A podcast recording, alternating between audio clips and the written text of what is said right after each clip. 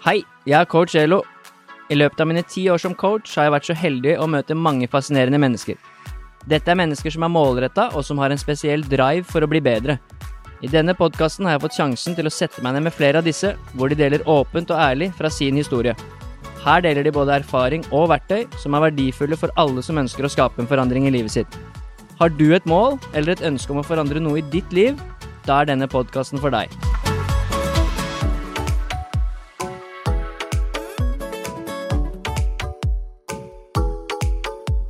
Denne episoden er sponset av ATA treningsutstyr. Mine gode venner i ATA de liker å se på seg selv som drømmere. Og de selger treningsutstyr, men eh, gjennom å gjøre det, så føler de at de får muligheten til å oppnå noen av sine største ambisjoner. Og det er nettopp det, å inspirere til trening, og ikke minst gjøre trening mulig for folk flest. Og så kan du kanskje si at det er litt eh, flåsete, men i ATA så er man veldig opptatt av å ta vare på hverandre, og ikke minst være gode eksempler på det. Og noe av det mest grunnleggende vi kan ta vare på, er jo helsa vår, og gjennom å selge treningsutstyr så føler ATA eh, at de kan bidra til en bedre helse, og kanskje også til at verden blir et litt bedre sted å være. I tillegg til det så er de veldig opptatt av å ha det gøy, de er opptatt av å sette pris på de menneskene som er med på reisen, på alle kundene sine og alle de menneskene som de også velger å gi tilbake til. Og jeg er jo så heldig at jeg er en av de, og jeg setter stor pris på at ATA eh, bidrar inn i min podkast og gjør det mulig for meg å drive med dette. Så ønsker dere noe mer informasjon om ATA treningsutstyr, så kan dere gå inn på hjemmesiden deres, atatreningsutstyr.no, eller dere kan sende de en DM på Instagram. Dere kan også sende meg en DM, og så skal jeg sørge for å videresende dere til eh, riktige personer i ATA som jeg vet vil ta godt vare på dere, og svare på alle spørsmålene dere måtte ha. Så tusen takk til ATA treningsutstyr for eh, den fantastiske jobben dere gjør, og for alle menneskene der ute som dere hjelper, og som dere gir tilbake til. Hei og velkommen til en ny episode av Coach Elo med gjester. Eh, I dag så har jeg med meg en idrettsutøver som eh, jeg har fulgt med på i mange år. Det begynner vel å nærme seg ti år, egentlig. Eh, og jeg er veldig imponert over alt det hun har fått til. Hun har jo nylig bestemt seg for å legge opp. Og for meg, da, som er litt sånn sportsidiot, så, så er hun for meg en av de største idrettsutøverne vi har på kvinnesiden i form av prestasjoner hun har oppnådd. Og idretten blir jo større og større, men eh, det er nok fremdeles ganske mange som ikke forstår hvor god hun er i idretten sin. Og det er jo rett og slett fordi at den, kanskje idretten er litt større i andre steder enn i Norge. Men den vokser stadig, og det er nok mange som vet hvem hun er, selv om ikke det er Norges uh, største sport. Og hun heter Kristin Holte. Velkommen til deg. Tusen takk. Syns det er veldig kult at du setter av tid til å bli med i poden. Selvfølgelig. Ja, det er ikke selvfølgelig det. Jeg har jo eh, aldri møtt deg sånn egentlig, på den måten. Jeg har kanskje hilst eh, på noen bokser og sånn, men jeg har aldri prata med deg, så jeg tror Jeg gleder meg veldig til å høre mer om historien din og din lange vei mot toppen i CrossFit. Det blir spennende. Uh, vi er på CrossFit Asker. Du skal ha en PT-time her etterpå. Stemmer. Hvordan er det, hvis vi starter med det, da, du kan jo, hvordan er det for deg akkurat nå? Du har jo akkurat nylig egentlig valgt å legge opp. Ja, det er noen få uker siden. Um, litt, uh, litt, rart, litt trist, uh, litt godt. Det er ja, en god miks av følelser, egentlig. Men uh, jeg har det veldig bra, sånn overall, det må jeg si. Ja, det blir gøy å høre litt hva du har som plan videre. Og du har holdt på med dette lenge. Og jeg regner med at det har vært eh, ganske altoppslukende, eller det må det være, hvis du skal bli så god som det du har vært. Men det er ikke så lenge siden du eh, vant uh, Wodapalooza i Miami sammen med Ingrid, som har vært med i podkasten min før. Det er jo en ok måte å avslutte på. Ja, det var eh, drømmescenario, det. å kunne gå ut på topp. Eh, kan, ikke, kan ikke drømme om noe mer enn det, så det var en veldig Veldig god opplevelse. Eh, gøy å teste ut eh, å være på team. Det har jeg ikke gjort så ofte, så det var en eh, litt annen opplevelse. Og syns det var kjempegøy, og veldig gøy å få lov til å være med Lena og Ingrid en siste gang. Ja, det ga ikke noe mersmak til å fortsette med team. Det er jo mange av disse individuelle som, som trapper ned i gåsetegn og begynner med team. Jo, altså, det ga jo mersmak, eh, men eh, jeg vet jo at man må jo trene egentlig akkurat like mye eh, for å være med på team. Team Det er ikke noe mindre innsats man må legge ned for å gjøre det bra der enn individuelt, så poenget var liksom det å, å ikke ha 100% fokus på trening lenger, da, og da vil jeg ikke heller sinke noen ved å være med på et team uten at jeg kan legge inn 100% av tiden min på det. Ja, det skjønner jeg. Det blir uh... Du hadde litt flaks òg i den konkurransen, fordi at rett etterpå så fikk du covid. Ja, det stemmer. Det jeg skulle tro det var meant to be. Altså, mandagen eh, etter eh, konkurransen var ferdig på søndag, så begynte symptomene. Så det er Ja, det er helt sjukt at jeg klarte meg uten nå i to år og reist så mye det siste året. Um, så jeg må bare takke covid for at det holdt seg unna frem til siste siste konkurranse. Ja, det er godt, det er godt tima å få det rett etterpå. Det var veldig spennende å følge med. Og som sagt så skal vi jo høre mer om historien din i dag, og det er det jeg gleder meg til. Som jeg nevnte i introen, så har jeg jo jeg har jo fulgt med på deg i mange, mange år. Jeg har jo vært eh, fan av CrossFit eh, siden 2011, siden da ingen hadde hørt om det. Og sett hvordan sporten har utvikla seg, alt fra selvfølgelig nivå, da, til hvor stort det har blitt, bokser som har vokst, hvordan det har blitt i Norge, som du sikkert skal fortelle litt om etterpå. Og ikke minst eh, pengepremier og det at man, måte, noen lever av det, og noen i hvert fall Det er mer som en idrett, da, enn det har vært før. Så, men jeg syns det, det blir veldig spennende å høre alt du har vært igjennom for å komme dit, for det vet jeg ingenting om, annet enn de små stikkordene du har sendt meg. Men uh, før det så tenkte jeg, for at jeg la ut på Instagram en sånn um, spørsmålsrunde. Om det var noen som ønska å stille deg noen spørsmål, og det var veldig mange som ville det. Kult. Uh, så jeg har ikke tatt med alle, for da hadde vi sikkert brukt en time bare på å gå gjennom de. Men jeg har notert ned en fire-fem spørsmål. Noen er sikkert superenkle for deg å svare på, andre kanskje må du prate litt mer. Men jeg tenkte vi kunne begynne med de først, hvis det er greit? Det er veldig greit. Og så skal du få introdusere deg selv etter det, selv om folk nå forstår hvem du er. Så den første spørsmålet er når er det du skjønte at du kunne nå toppen i CrossFit? Det var nok eh, første året jeg var med i Regionals, i 2013.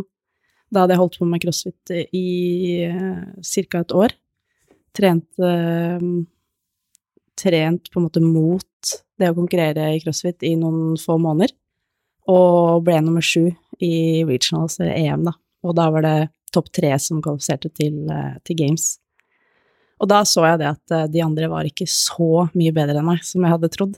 Eh, og da skjønte jeg at eh, jeg kan bli like god som de andre, og da, da ville jeg Da satte jeg meg som mål å komme til Games en gang. Og det er jo ganske mange år siden. Det er jo snart eh, ti år siden, det. 2013. Ja, det er ganske sjukt. det, har gått, det har blitt mange år etter hvert. Da passer det med neste spørsmål, som er om du har hatt, eller har, et kanskje ikke nå er det kanskje litt rart, men om du har hatt noen forbilder innenfor crossfit? Eh, altså, jeg så jo opp til de som var best, spesielt når jeg starta. Eh, og jeg husker jeg så på CrossFit Games i, i 2012 og i 2013.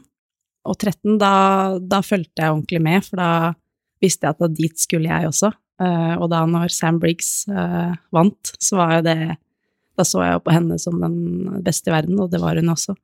Så hun har jo alltid vært eh, et forbilde for meg, både måten hun er på som person, um, og også hvordan hun presterer uh, i konkurranser. Så må nok si kanskje Sam Briggs er Hun er en kul dame og veldig inspirerende. Ja, hun er jo lett, lett å legge merke til. Hun har vært med lenge. Ja. Er det, hva er det hun heter? En Biceps by Briggs er det hun heter på Instagram. Ja, det jo har bra biceps, altså. hun er ganske god i crossfit. Det er morsomt. Neste spørsmål er eh, Ja, det kan hende det er litt lenger. Vi snakket så vidt om det før vi begynte å spille inn. Eh, og det kom fire spørsmål om det, formulert på litt forskjellige måter. Så du kan jo svare på det første, for de to lurte på om det burde bli innført dopingkontroller i CrossFit. Eh, så da kan du si først om det er det eller ikke, fordi Det er det, eh, heldigvis. Ja. Um, og jeg ble senest testa nå på tirsdag, for to dager siden. Eh, selv om jeg har lagt opp, så følger de opp, og, og har blitt testa regelmessig eh, egentlig siden eh, jeg kvalifiserte første gangen eh, til CrossFit Games. Og alle som kvalifiserer seg til Games, blir testa, eh, og topp fem blir testa i Games. Og så er det random testing rundt omkring eh, um, i verden i løpet av året. Ja, det er bra. Så det var jo De som lurte på om det burde bli innført, de kan jo da slå seg til ro med at det, det er allerede innført. Det er innført, og vi har også eh, alle som Jeg vet ikke akkurat hvilke utøvere som er, men i hvert fall alle som har vært i games, eh, og som er potensielle gamesutøvere, de må også si hvor de er til enhver tid, sånn at de kan bli testa eh, random, da. Egentlig hver dag. Og det andre som folk lurte på, som henger sammen Nå har du sagt litt allerede, da, men det er jo hva ditt syn er på det, når det kommer til eh, dopingtester og doping generelt. Da. Ja, altså, hva skal jeg si, jeg håper jo ingen gjør det. Eh, Men eh, når det er så mye penger eh, i en idrett, så er det så er det vel al- alltids noen som prøver å jukse. Eh, Men jeg, jeg håper og tror at crossfit er en så kompleks idrett at det er, det er så mange faktorer som spiller inn, at eh, jeg tror uansett ikke at de som jukser, blir de beste. Eh, For det, det trengs noe mer. Ja, det er jo ikke så mange år siden det var en som ble tatt, og han var jo på pallen. Det stemmer. Han er jo forresten, han er jo tilbake igjen nå. Mm. Det skal vi ikke snakke om, men hva tenker du om det, når du på en måte har blitt utstengt, og så er du med igjen nå? Det er jo et ja. lite miljø, så Det er, jeg har litt blanda følelser. Um, jeg vet jo at noen uh, mener at man skal få livstid uh, hvis man doper seg, uh, med vilje. Mens jeg føler jo også man fortjener en, en ny sjanse. Han har jo sona i fire år, og håper han har lært av det. Og jeg tror jo han angrer. Det virker i hvert fall sånn. Ja. Så jeg håper bare at det gir en lærepenge til både han og alle rundt, at uh, det lønner seg ikke å jukse. Nei, han klarte jo ikke å vinne, selv om han gjorde det. Men sånn, hvis du ser bort fra min del, hvis du ser bort ifra at han juksa, som selvfølgelig ikke er bra, så er han jo en veldig god utøver, eller en atlet, da, og litt sånn type. Så det kunne jo vært spennende å ha han med også. Nå har han jo, som du sier, vært utstengt, så ja, det blir spennende å se hva han klarer å få til. Ja. Gjorde det greit i Dubai, gjorde han ikke det? Var ikke han eh, på den konkurransen? Jo. Jeg vet ikke, jeg husker ikke om han endte på pallen eller rett utafor, men han starta i hvert fall veldig bra. Ja, han var i nærheten ja. Mm. Neste spørsmål, vi har to igjen, tre igjen. Eh, Den ene er bare tull, men eh, det er to igjen. Så den ene er hvor mange timer i uka du trente når du, når du konkurrerte liksom, på det høyeste nivået som en duell, og det er jo ikke så lenge siden du gjorde det. Nei, det er ikke det. Um, nei, altså det går en del timer. Um, nå er jo jeg eh, kjent for mine lange oppvarminger også, så jeg varmer gjerne opp en time før første økt. Så da går det fort noen timer, men uh, har kanskje gjennomsnitt uh, fem timer, eh, fire-fem timer eh, om dagen. Uh, fem dager i uka. Så, så rundt 20-25 timer i uka, kanskje. Um, varierer litt, men ja, ligger nok rundt her. Hva er grunnen til at du varmer opp så lenge? Det syns jeg er viktig, fordi mine utøvere som spiller håndball, da, de klager noen ganger litt på at oppvarmingen er lange. Men det er bra at vi har med en på topp som sier at hun bruker én time på å varme opp. Kan du si kort hvorfor du gjør det? Jeg har erfart at eh, det er det som må til for å holde meg skadefri. Og jeg føler også jeg presterer eh, bedre på selve økta hvis jeg er god og varm, og kroppen har fått vært i alle mulige eh, utslag som skal skje i økta. Og da er jeg også tryggere på at, eh, at jeg ikke blir skada i løpet av økta. Så mm, det, jeg er litt smart, da, for jeg legger inn både mobilitet, eh, aktivering, litt rehab, prehab, som kanskje ikke er like gøy å gjøre etter økta, eh, og legger gjerne det inn også i oppvarming, sånn at jeg får lurt inn litt ekstra øvelser der. Så nå kan alle utøverne jeg følger opp, høre på hva Kristin sier. Litt prehab og rehab i oppvarming er fint. Det er smart, til og med. Ja, jeg, jeg er veldig for det, og jeg, jeg skjønner at ikke alle har tid eller orker å gjennomføre så lang oppvarming, uh, men jeg har gjort det fordi jeg har hatt tid til det, og jeg føler at jeg har hatt nytte av det. Uh, Men jeg tror også veldig mange andre kunne hatt nytte av det. Man kan selvfølgelig korte ned den oppvarminga, men å gjøre litt mer rehab, prehab, aktiveringsøvelser, mobilitet i oppvarming, tror jeg kan være nyttig for nesten alle. Ja, det er ser man jo for, selv om man må skille veldig mellom å konkurrere i crossfit, som du har gjort, og de som på en måte kommer hit da, for å bare trene crossfit, sånn som jeg gjør selv. Det er en treningsform for å holde seg i form. Men selv da så er det en stor fordel å varme opp. Da. Det er jo mye komplekse bevegelser du skal gjennom. Ja, og du vil jo fortsatt ikke bli skada. Nei, absolutt ikke. Det er like kjedelig å være, ha vondt noe sted, selv om man, enten om man skal konkurrere eller ikke. Det er helt riktig. Men da er du oppe i gode 100 timer i måneden cirka, da, med trening. Det kan Fordi- nok jeg, bra hoderegning, Ja. kan nok stemme, ja. Da er det jo Det er mye. Ja, det er, eh, altså, det er det jo Det er jo ikke intensiv trening. Eh, Det blir jo eh, en annen type enn kanskje langrennsløpere, for eksempel, da. Men det er, det er mye som skal inn. Mye teknikk, mye styrke, mye utholdenhet. Altså, det er jo Vi skal trene på alt. Ja. Så, så det går noen timer, det gjør det.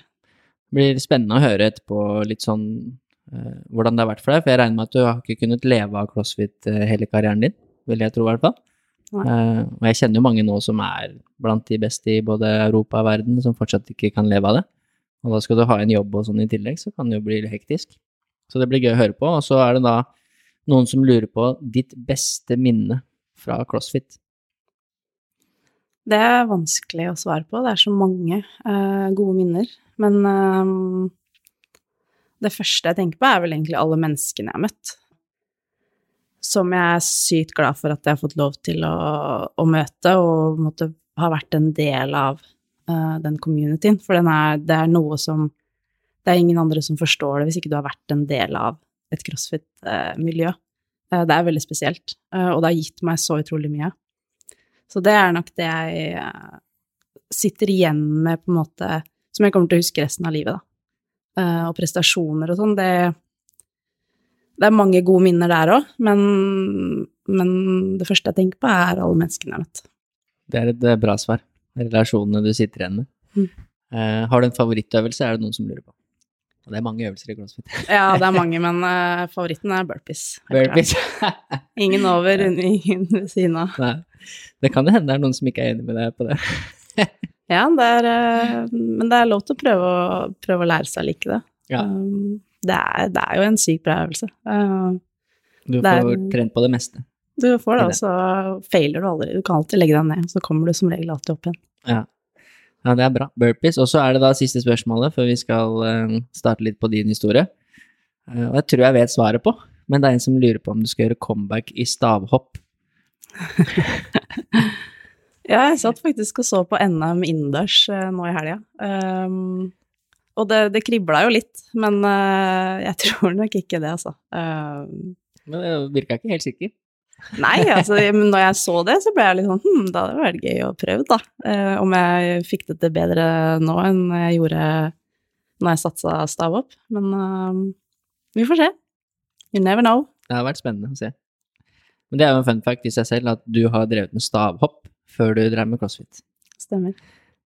Men eh, kult, da har vi gått gjennom litt spørsmål, og før vi begynner på din historie, så kan du jo Eller du kan egentlig bare ta det som starten av din historie, da. Hvem du er, og hvor du er fra, og Jeg tror ikke du er så langt unna der jeg er fra, skjønner du. Eh, og litt eh, bare kort, da, om ja, hvor du er fra, hvordan det har vært. Ja. Ja, hm, hvor skal man begynne? Um, jeg er oppvokst i Hokksund, Norges navle, i en idrettsfamilie.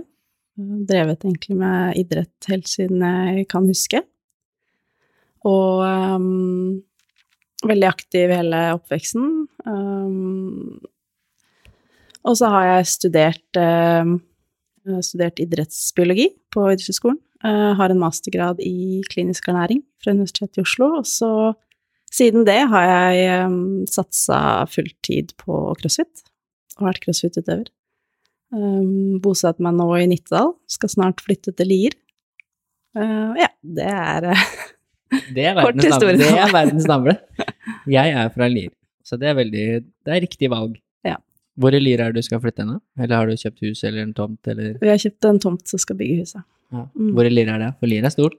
Ja, det er eh, på, i Reistad. Reistadlia. Ja, det Mm. er der jeg bor. Ja, kult. Veldig nære. Jeg bor på toppen av Reistad. Og så er det, det, det, det bare fun fact, da. Hokksund er jo det fotballaget jeg spiller for nå. Ja, ja. Så jeg er en del, er en del i Hokksund. Det er ikke så mye som skjer der, altså. Nei, det, det skal vel sies. det var et fint sted å vokse opp, da. Ja, det tviler jeg ikke på.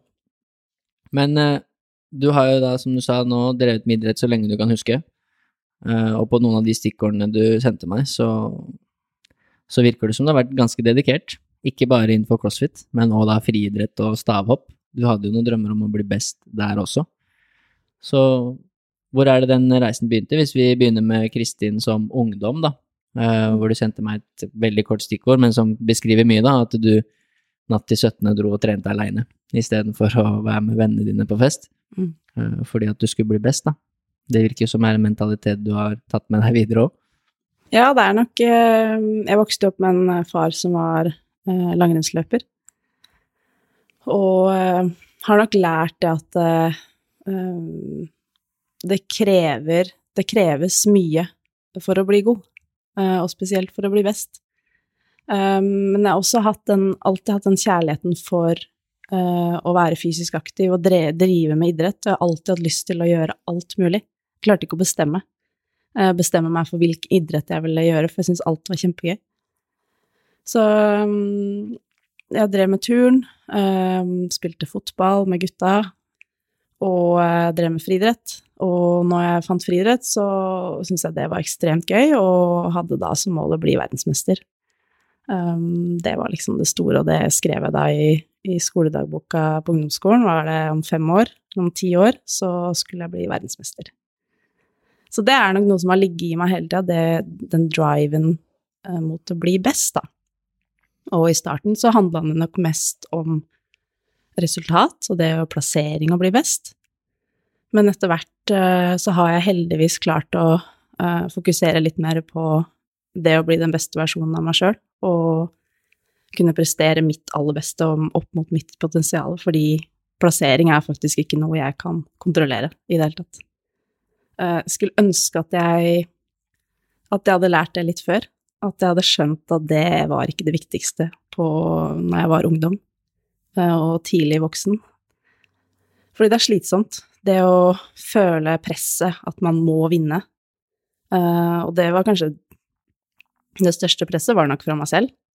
Eh, og hvis jeg ikke, ikke vant, så, så var det liksom Altså, da var verden over for meg. Altså, livet var over, for det Jeg hata å tape. Og det var på en måte bare seier som var godt nok. Så det er veldig glad for at jeg har endra meg litt der, um, og lært veldig mye uh, via mentaltrening, da, opp gjennom spesielt uh, via min crossfit-karriere. Hvilke fokus jeg skal ha, uh, hvilke mål jeg setter meg. Og har, de siste åra har det ikke handla om å bli nummer én lenger, det har handla om å få ut mitt potensial. Og da kommer jeg til å få den plasseringa jeg fortjener. Det er jo et eh, bra mindset å ha, men som du sier, eh, lettere sagt enn gjort. Jeg jobber jo med veldig mange idrettsutøvere eh, som jeg tror kan kjenne seg igjen i de følelsene som du beskriver nå. Alt fra det at det er resultatdrevet, og at hvis du ikke får det resultatet, så, så er livet over. Men tror du det handler også om at man må bli litt eldre, eller at man må gå gjennom litt av de tingene for å lære også? Det kan jo hende det er vanskelig å, å forstå det når du er 15-16-17 år. Eller det er det jo, fordi det er vanskelig for nesten alle de jeg jobber med som er i den alderen. Ja, jeg tror dessverre det er litt sånn, eh, og det gjelder mange ting, egentlig. Det, det med det med overtrening, skader videre. Altså, det hjelper på en måte ikke hva vi som er litt eldre, da, forteller de som er litt yngre, fordi de har ikke erfart det selv, og da tror de ikke at det kommer til å skje med de. Det, det skjønner jeg, fordi der var jeg òg, at det, det, går jo bra nå, og spesielt sånne skader, da, at det, trener man litt for mye, så det, det går bra helt til det ikke går bra. Og det er da man lærer at ok, jeg burde ha stoppa litt tidligere. Jeg burde ha lytta til kroppen. Eh, men hvis, hvis, man aldri får de trøkkene, uh, skadene, så lærer man egentlig ingenting. Så Og det gjelder litt det med uh, resultatorientering, prestasjonsorientering, altså hva man fokuserer på, det, det er Det tror jeg kanskje kommer litt mer med alderen, som du sier, men jeg tror også det handler om hvilket miljø man er i, eh, hvem som påvirker en, da. Kommer det noen inn og har mest fokus på prestasjon, så tror jeg det er lettere også for ungdom å kunne legge fokus på sin egen utvikling, da, istedenfor om man blir nummer én, to eller tre. Ja, det er gode tips og refleksjoner å komme med, og vi skal sikkert prate mer om det, fordi du nevnte det litt der med mentaltrening, som er et av punktene vi kommer inn på litt seinere, eh, som jeg syns er veldig spennende, fordi at eh, jeg har også sett, selv om jeg jobber med fystrening, så har jeg også sett eh, på en måte hvor komplekst det er å skulle prestere på høyt nivå. Det handler om veldig mye mer enn bare fysiske egenskaper. Det er jo veldig mye hode. Og som du sier, hvordan du takler motgang, medgang, ikke minst det òg, når du faktisk eh, gjør noe som er bra. Hvordan takler du det? Eh, så det blir veldig spennende å høre. Vi kommer inn på det. Men du sa jo at du skulle bli verdensmester i friidrett, og mer korrekt i stavhopp, stemmer det? Ja, det var det jeg um, så for meg at jeg kanskje hadde best potensial i. Um, kunne jeg valgt, så ville jeg blitt på 100 meter. Ja. For det er så sykt kul øvelse. Det er kult. Ja, så jeg skulle gjerne vært enda litt raskere, sånn at jeg kunne blitt uh, aller best på 100 meter. Men uh, jeg hadde på en måte forutsetningene for å bli uh, ganske god da, i stavhopp, siden jeg hadde drevet med turn og hadde en god fysikk. Men det var dessverre skader som satte en stopper for drømmen min. Det, det, var veldig tøft. Um, at det var skader som gjorde at jeg måtte slutte, og ikke at jeg bestemte det selv. Og jeg ble, ble utrolig lei meg og kanskje litt deprimert. Jeg følte på en måte at uh, Litt sånn uh, kjærlighetssorg over ganske lang tid for at jeg ikke kunne gjøre det her lenger. Ja, for det var det jeg eh, skulle inn på, at du hadde noe tretthetsbrudd eh, i beina som gjorde at du ikke fikk eh, blitt verdensmester i stavhopp. I hvert ja. fortsatt med det? Ja, det kom dessverre begynte når jeg begynte på videregående. Så, så begynte jeg på idrettslinja, og da gikk jo fra å trene én gang om dagen til to ganger om dagen. Um, dobbelt så mye? Dobbelt så mye. Um, og var nok fortsatt litt i vekstfase. Um, hadde lang reisevei til skolen. Um, det var nok vanskelig å få i seg nok og riktig mat. Uh, så når jeg ser tilbake på det, så er det jo helt idioti at jeg gjorde det der. Uh, gikk fra fem økter i uka til ti økter i uka, på en måte fra én uke til den andre, uh, nesten. Så det gikk bra um, et år, og så gikk det ikke bra lenger. Da fikk jeg tretthetsbrudd i leggen, som aldri ville gro. Og så Men jeg fortsatte å trene, fordi de fant ikke helt ut av hva det var, og så Det eneste jeg ville, var jo å trene og bli god. Så jeg tok smertestillende nesten hver dag for å kunne trene. Uh, og det ble jo ikke noe bedre. Det ble bare verre og verre. Til slutt så var det så vondt at jeg klarte ikke å gå uten å ha vondt. Uh, og da skjønte jeg at da kan jeg i hvert fall ikke hoppe stav på det beinet. Så det, eh, det ble jo bedre Det tok fire år før det ble bra. Eh, og så gikk det noen måneder, og så fikk jeg tretthetsbrudd i det andre beinet. Og det var da jeg skjønte at det her er faktisk ikke for meg. Og det, det var ja, utrolig kjipt, men jeg var nok litt skyld i det sjøl òg. Når jeg ser tilbake på det, så mange ting der jeg kunne gjort annerledes, uh, og tatt tak i det tidligere, og ikke tatt smertestillende for å trene. Eh, det vil ikke anbefale noen. Nei, her er vi jo inne på et uh, område som er veldig kjent for oss også, som driver med lagidrett, altså fotball og håndball, hvor det er vanlig, dessverre, å ta smertestillende for å overleve kamper og treninger. Og det er jo mange som kjenner seg igjen i det, tror jeg, å gå fra tiende klasse til første klasse på videregående og øke treningsmengden veldig mye, da, når du begynner på idrettslinje eller fotballinje eller håndballinje eller hva det måtte være. Men det er to ting jeg lurer på da, med det, og det er jo som sagt lett å si det nå, når du er 35 eller 36 eller hvor gammel du er, at du burde gjort annerledes. Mm. Men hva kan du si til de som er kanskje i den situasjonen akkurat nå, da? Hvordan skal man liksom håndtere det? Hadde du noen trenere rundt deg, eller noen andre som prøvde å snakke deg til fornuft, eller hvem var det som ba, var det noen som ba deg om å ta smertestillende, eller er det liksom Hvordan var det? Nei, det, det var en lege som sa at det var greit, Ja. faktisk. Um, men eh, jeg vet ikke om det hadde hjulpet så mye uansett hva trenere eller foreldre hadde sagt da, fordi jeg var så bestemt på at uh, det her skulle gå bra. Jeg skulle trene. Uh, det var på en måte ikke noe alternativ. Um, men jeg kunne ønske at det var noen som kanskje var enda strengere med meg, uh, og forklarte meg hvorfor jeg hadde blitt skada, på en måte hvorfor det med variasjon, det med mengde, intensitet, at man må øke, øke litt gradvis, da. Og, og det med kosthold, søvn, restitusjon, eh, sånne faktorer, at noen hadde fortalt meg kanskje litt tidligere at det er minst like viktig som treninga sjøl. Ja, og det er som du sier, kanskje du igjen måtte ha den smellen, da. Få tretthetsbrudd som eh, tok fire år før det ble bra. Det er lenge. Det er veldig lenge. Uh, Altfor lenge. Det er jo en uh, brutal lærepenge. Ja, Men- det er det, men jeg, jeg tror det var en mening med det òg, at jeg har lært veldig mye av det. Um, og det har gjort at jeg har uh, klart å unngå en del skader, da, uh, etter jeg um, begynte med crossfit. Selv om uh, det var mye i starten der òg, for da, da var det litt sånn mentalitet at eh, du skulle alltid ha vondt et sted. Eh, det var sånn jeg tenkte, i hvert fall ellers hadde jeg ikke trent hardt nok. Og um, det gikk noen år før jeg skjønte at det er ikke sånn det skal være. Du skal ikke våkne opp hver dag og ha vondt minst to steder. Um, det trenger ikke å være sånn. Nei, det gjør ikke det. Men det er mange som er i den situasjonen. Det er mange, dessverre. Ja. Ja. Men uh, før vi går videre, så skal jeg ta en uh, liten fun fact. Uh, du sa du hadde lyst til å bli verdensmester på 100 meter, og det hadde vært kult. Det ble det jo ikke. Nei. Men du har jo vunnet et event i CrossFit Games som er sprint, stemmer ikke det? Det stemmer. Nå husker ikke jeg hvor langt det var, men det var kanskje 50-100 meter eller noe sånt? Det var nok litt lenger. Ja. 150-200, kanskje? Ja. Mm. Det er ikke dårlig å vinne den, da. Nei, det var, eh, det var ganske stort. Og da Ja. følte jeg meg nesten som en 100-meterløper. Ja, var det jeg tenkte på. Kult å vinne det eventet der. Det husker jeg godt. Du har vunnet flere sånne type løp-events eh, i CrossFit. Så du har sikkert fått med deg noe, da, fra at du drev med friidrett?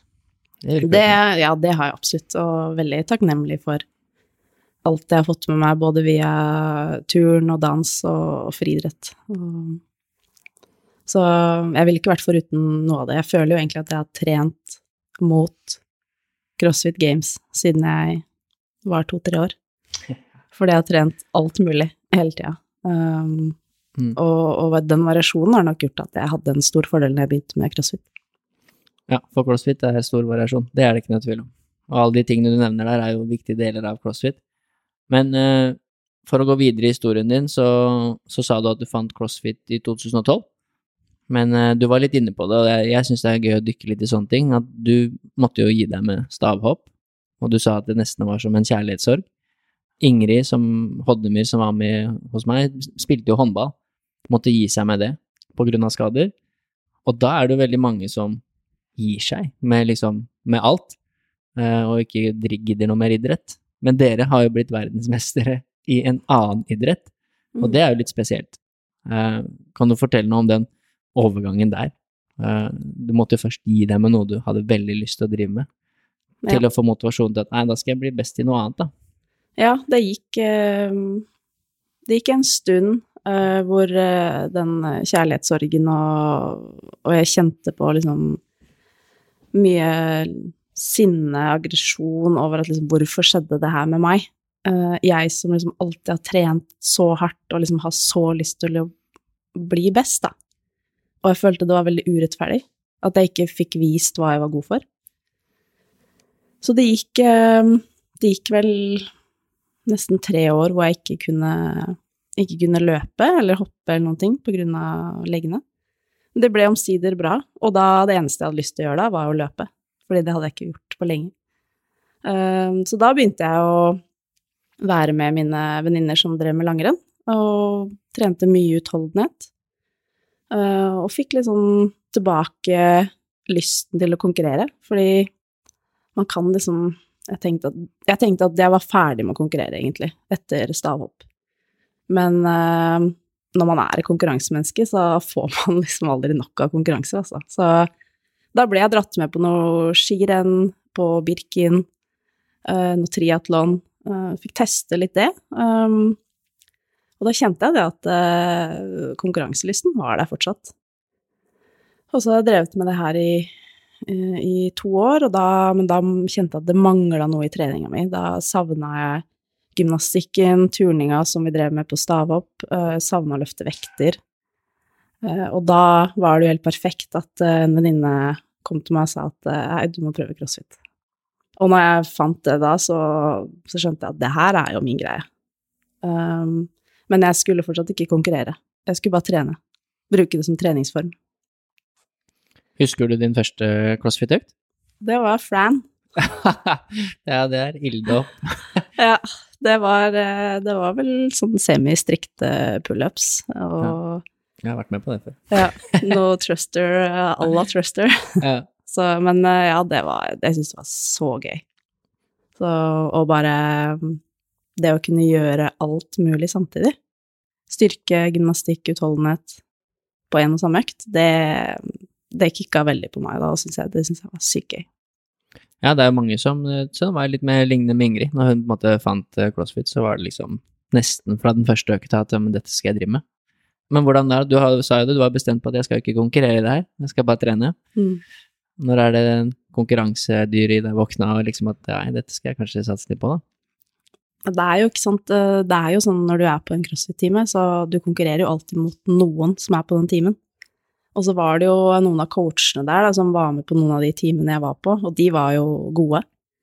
Og så så jeg at jeg kunne pushe de litt, uh, og de ble litt sånn redd for at jeg skulle slå de. Jeg kom liksom der som newbie og skulle jente, og så skulle, jeg slå disse gutta som uh, drev med, hadde drevet med crossfit ganske lenge. Da kjente jeg det at uh, det, det, er jo ganske gøy å konkurrere.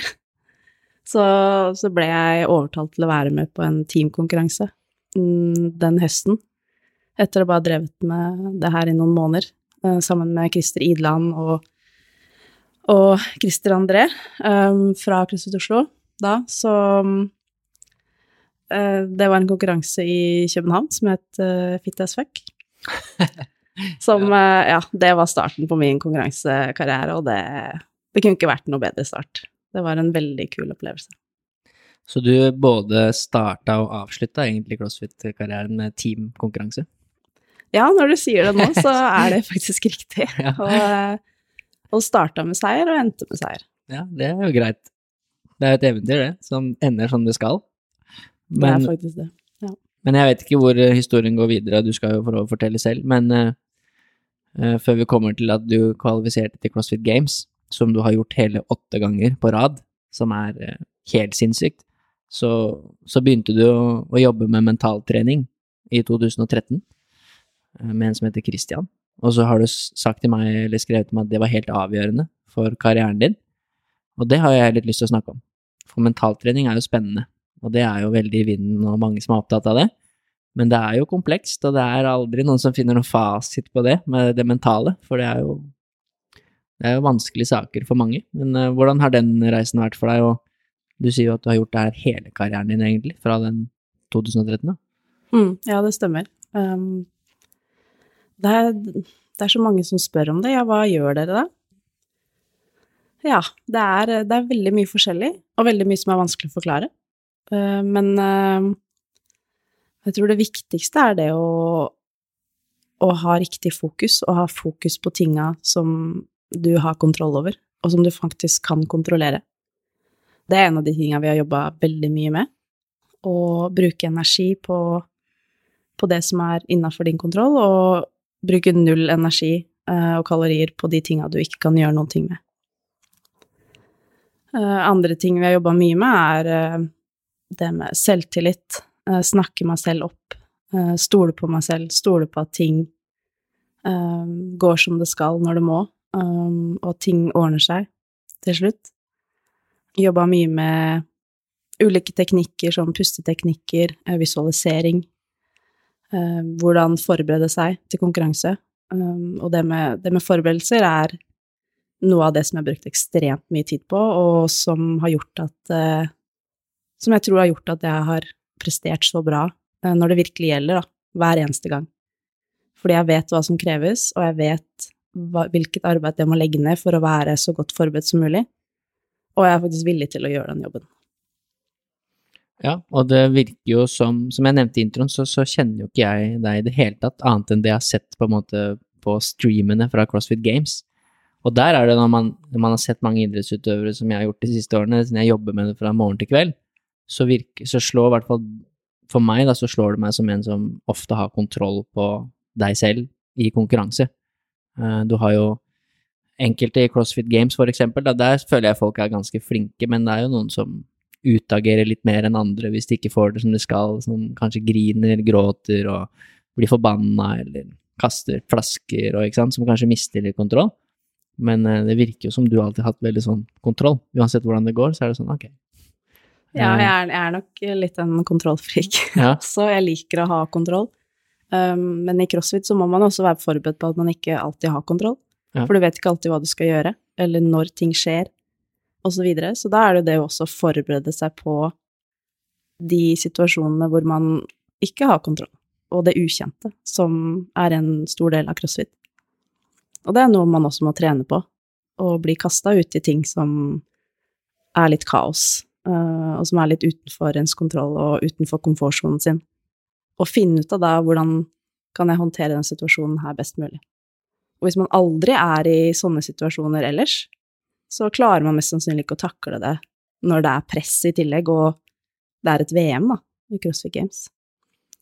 Så det er ting som vi har jobba mye med, og jeg har blitt satt i mye ukomfortable situasjoner hvor jeg må finne ut av eh, hvordan jeg best mulig skal komme meg gjennom den situasjonen. Og det er jo her også jeg tenker på alle de skadeperiodene jeg har hatt, og at jeg faktisk setter veldig pris på de, for det har gjort at jeg har kommet ut mye sterkere på den andre sida. Selv om det har vært utrolig kjipt når det pågår, så har jeg funnet ting jeg kan fokusere på, eh, spesielt innenfor mentaltrening, men også mobilitet, eh, andre ting som jeg mest sannsynlig ikke ville brukt like mye tid på ellers, som har gjort at jeg har eh, blitt sterkere, enten fysisk eller mentalt, når jeg kommer ut av den skadeperioden. Så, så etter hvert så lærte jeg meg at eh, de nedturene jeg har hatt, de må være der eh, for at oppturene skal bli enda litt eh, større. Ja, det er bra sagt. Jeg formulerer jo dårlig, men det var det jeg mente. At når du, ser deg konkurrere, hvis du misser en rep, da, for eksempel, så virker det som du beholder roen, da. Du blir ikke stressa. Hvis du bommer på en handstand pushups eller en muscle-up eller noe, så virker det ikke som du blir noe stressa.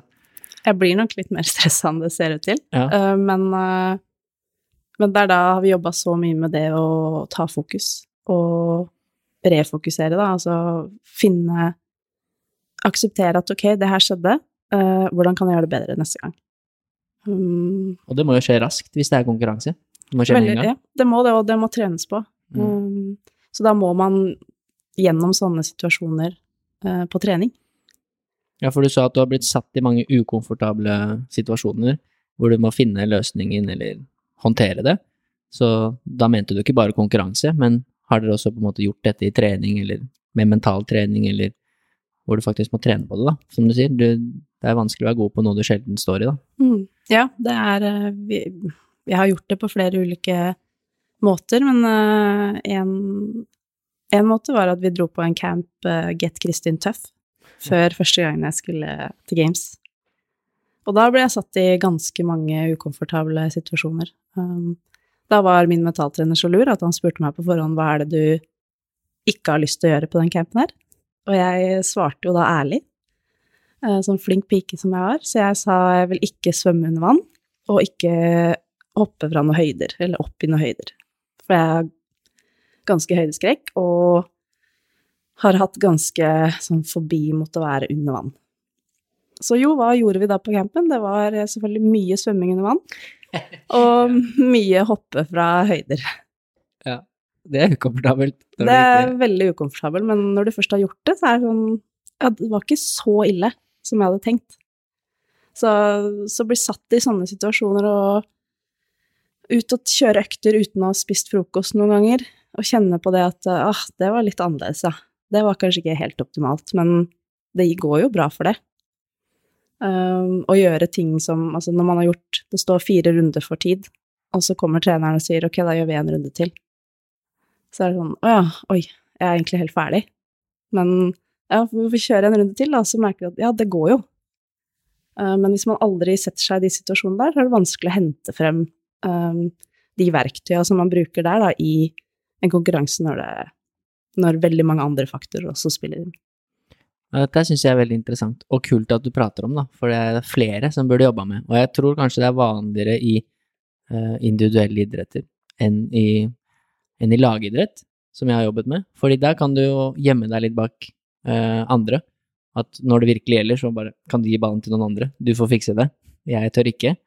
Det kan jo ikke du når du konkurrerer crossfit individuelt. Nei. Der er det. Må du fikse det sjøl. Og det syns jeg var interessant når du sa at en av de tingene, eller svømme under vann, er jo relativt Det er jo sånn, det kan jo skje i crossfit-konkurranse. Ganske ofte. At du må svømme i havet og sånn. Mm.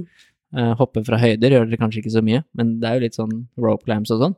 Ja. Men hvordan har det for eksempel da med å hoppe fra høyder påvirket deg positivt uh, i konkurranse? For det har jo egentlig ikke noe med din konkurranse å gjøre, det har jo da mer med det mentale å gjøre. Uh, det er litt med det å hva mine innbilte grenser er, og så ser jeg at jeg kan sprenge de, egentlig, og ting jeg tror jeg ikke får til, og så ser jeg at uh, når jeg tester ut, så bare Ja, men jeg, jeg kan det jo. Uh, men hvis jeg ikke prøver, så vet jeg jo ikke at jeg kan det. Sånn som jeg trodde ikke at jeg klarte å svømme 25 meter under vann. Jeg var helt sikker på at jeg ikke klarte det. Men hvis jeg aldri prøver, så vet jeg ikke. Og jeg klarte ikke det i starten. Men nå svømmer jeg nesten 50 meter under vann. Uh, så det er det å liksom ja, sprenge sine innbilte grenser, da. Uh, og for å gjøre det, så må man ut av komfortsonen, og man må utfordre seg sjøl. Um, og det, det, kan man gjøre på veldig mange ulike måter. Det at folk går og isbader, for eksempel, det er sånn som jeg kjenner ah, det er ikke så gøy. Jeg har ikke kjempelyst til å gjøre det. Men den følelsen etterpå, når du tenker at ah, jeg vet ikke helt om jeg klarer det, men jeg prøver, og så får du det til, det er jo en sånn mestringsfølelse. At, uh, og det gjelder veldig mange ting som man kan utfordre seg på, da, som jeg skulle vært enda flinkere til det selv også, og utfordra meg sjøl etter hvert. Men uh, jeg syns det er kult når folk tør å utfordre seg sjøl, og tør å gå litt på trynet, for det, det kan man hende man gjør det. Men det kan også hende det går skikkelig bra. Ja, jeg syns det er veldig interessant å prate om. og det gir meg noen ideer også, med de jeg jobber med. fordi hvis du tar eksemplene fra lagerrett, så er det jo ofte du kommer i garderoben, og så er det Alt er jo lina opp for deg. Alt. Drakta di ligger bretta og stryket der, og du har liksom alt du trenger. Stort sett gjør du ikke så mye sjøl. Og det jeg ofte ser, er jo at den minste ting da, som kanskje ikke er sånn det skal være, kan få noen til å bare oi, bli satt ut, da. Bare at drakta di ikke ligger der, eller at flaska di ikke er fylt, eller at du må bruke noen andre sko, eller hva det måtte være, da så blir folk helt fullstendig satt ut. At liksom, ja, nå kan jeg ikke spille, det går ikke. Så jeg tror det er mye i det du sier, å kunne kontrollere hvis det ikke blir som du hadde tenkt at det skulle bli. Hva gjør jeg da? Mm. Uh, og ikke bli liksom satt ut av det. Nei. Så da liksom for eksempel den personen der, da, å trene i, og konkurrere i ulike sko, sånn at man vet at det, jeg kan fortsatt prestere bra selv om ikke alt er optimalt, sånn som jeg har tenkt at det må være. Bare for å se at det går bra, liksom? Ja, ja, men det er spennende.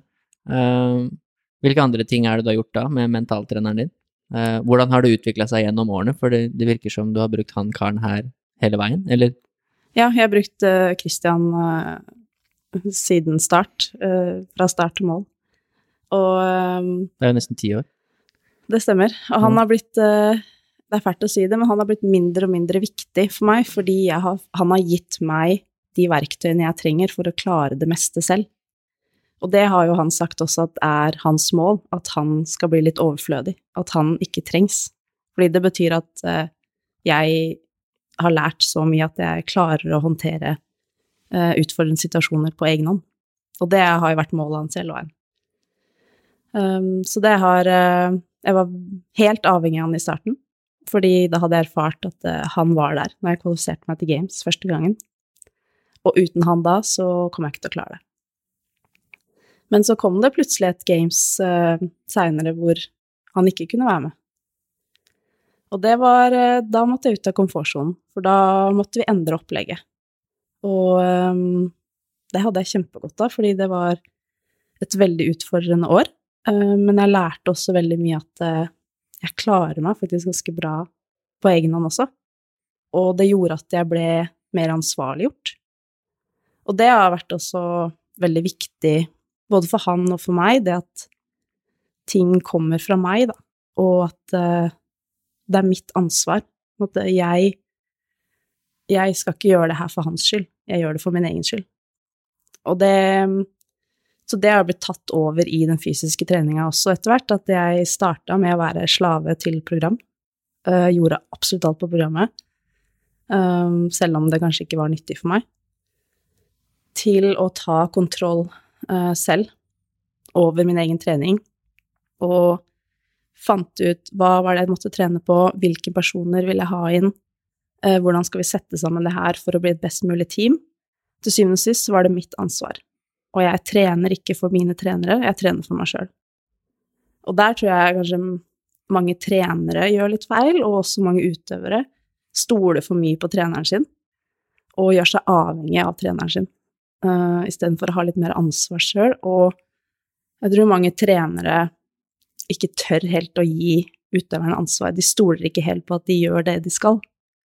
Men der tror jeg det er mye å hente da, på å ansvarliggjøre utøvere i mye større grad, sånn at er, de har større eierandel til treninga si og til sin egen prestasjon. Ja, det er veldig interessant. Jeg, jeg følger jo opp mange med fysisk trening. Og jeg har jo ansvaret for 20 eh, spillere, altså et lag, eh, som er utfordrende i seg sjøl. Det er utfordrende å ha ansvaret for bare deg også, siden det er så komplekst. Men da er det kanskje litt enklere å kunne kontrollere eller ha dialog, da. Men det er jo noe som jeg syns er veldig utfordrende, er jo det med at, som jeg sier til mange av mine utøvere, hvis du får noe fra meg, eller fra fysioen, så må du jo ha mening om det selv også. Altså, du må si fra hvis det ikke fungerer. Hvis de øvelsene du har fått av fysioen for å trene opp igjen etter korsbåndskade i kneet, ikke funker eller er vondt, så er du jo nødt til å si fra. For hvis ikke, så vet ikke jeg om det har funka eller ikke funka, da. Og det, det syns jeg er interessant det du sier, du må liksom, de må få eierskap til det sjøl, sin egen utvikling. Eh, det er de som skal bli gode, det kan på en måte ikke komme fra meg eller noen andre, da. Det Nei, de må ha en indre motivasjon til å ville det her, og ja, de trenger å få input på, på måte, trening osv., men de må fortsatt ha en, få lov til å ha en stemme i det. Og det, det må på en måte komme fra dem sjøl, ellers så tror jeg ikke man når helt opp, da. Hvis ikke det, det, er en sånn indre motivasjon som gjør at det her har jeg virkelig lyst til å bli uh, så god som mulig. Ja, det er kult, og det, det syns jeg var spennende du sa med at uh, treneren ikke alltid kanskje stoler på utøveren sin til å gjøre oppgaven. Det tror jeg er veldig vanlig i lagidrett. Veldig vanlig. Ja, trenere har, kunne blitt bedre, da. Uh, jeg hadde med en i første episode, som jeg vet ikke om du ser på det som akkurat det samme. men Han heter Amal Pellegrino, og han spiller Eliteserien fotball. Da. Spiller Bodø-Glimt nå. Og han var i Strømsgodset, kom til den klubben som på en måte var hans drøm. Uh, og der ble han satt veldig bånd på. Han er en kar som trenger å kunne drible og gjøre feil og liksom prøve på ting som kanskje ikke alle andre gjør. Og der fikk han på en måte ikke lov til det. Og hvis han gjorde det, og det ikke gikk bra, så på en måte ble han bytta ut, eller du får ikke spille. Og så bytta han klubb, og så plutselig så begynte han å prestere masse. Og folk som ser utenfra, ser jo bare at hva som skjer nå. Og han sa at det var én setning fra treneren når han kom til Kristiansund, da, som forandra alt. Det var bare at gå ut, eh, gjør akkurat det du vil gjøre. Hvis du mister ballen eller gjør noe feil, så driter jeg i det, liksom. Da prøver du bare igjen, da. Og det, den lille setningen forandra mye for han, da, mentalt sett. Så kult. Det, det, får meg til å tenke på en ting som min mentaltrener også, at vi har jobba mye med, det å tørre å tape for å våge å vinne. Det kommer jo litt inn der, at man, man må tørre å gå på noen smeller, og det må være rom for å feile. Ellers så er det ikke muligheter for å vinne. Ja, for du sa jo i innledningen noe jeg tenkte på som kom opp igjen nå, at eh, når du tapte, så var jo livet ditt over. Eh, altså, du takla veldig dårlig å tape, da, i ungdomstida. Eh, og det regner jeg med er et mønster som sikkert noen ganger kan banke på døra selv om du har blitt eldre. Hvordan har det vært gjennom crossfiten, og har dere jobba noe med det? For du har jo tapt litt i crossfit òg. ja, jeg har det. Jeg har tapt mer enn jeg har vunnet, for å si det sånn. Um, ja, jeg tror uh, Altså, etter jeg klarte å fokusere mer på min egen prestasjon, så har uh, så har uh, suksess vært definert av min innsats, og ikke min plassering. Og det har gjort en stor forskjell i hvordan jeg ser på res hvordan resultatene er. Um, hvis jeg kjenner at jeg har gitt absolutt alt jeg har, og blir nummer fem, så er jeg fortsatt veldig fornøyd, fordi det var det jeg hadde. Og det var fire stykker som var bedre enn meg, og da er det fair. Um, samtidig, hvis du vet at du ikke har gjort ditt aller, aller beste og blir nummer én, så er det fortsatt en liten sånn Man har litt bismak, og vet at man kunne kanskje prestert enda litt bedre, selv om man ble nummer én. Så da er det det med å å spørre seg selv var det her alt jeg hadde. Ja, det var det. Ok, da er det bra nok. Da er det da er det, det du har. Men, ja, for det var mitt neste spørsmål. Når er det du vet at det var alt? Hvordan vet du det i et event eller en konkurranse at dette var absolutt alt jeg kunne? Kunne ikke gjort noe annet. Det starter med forberedelsene.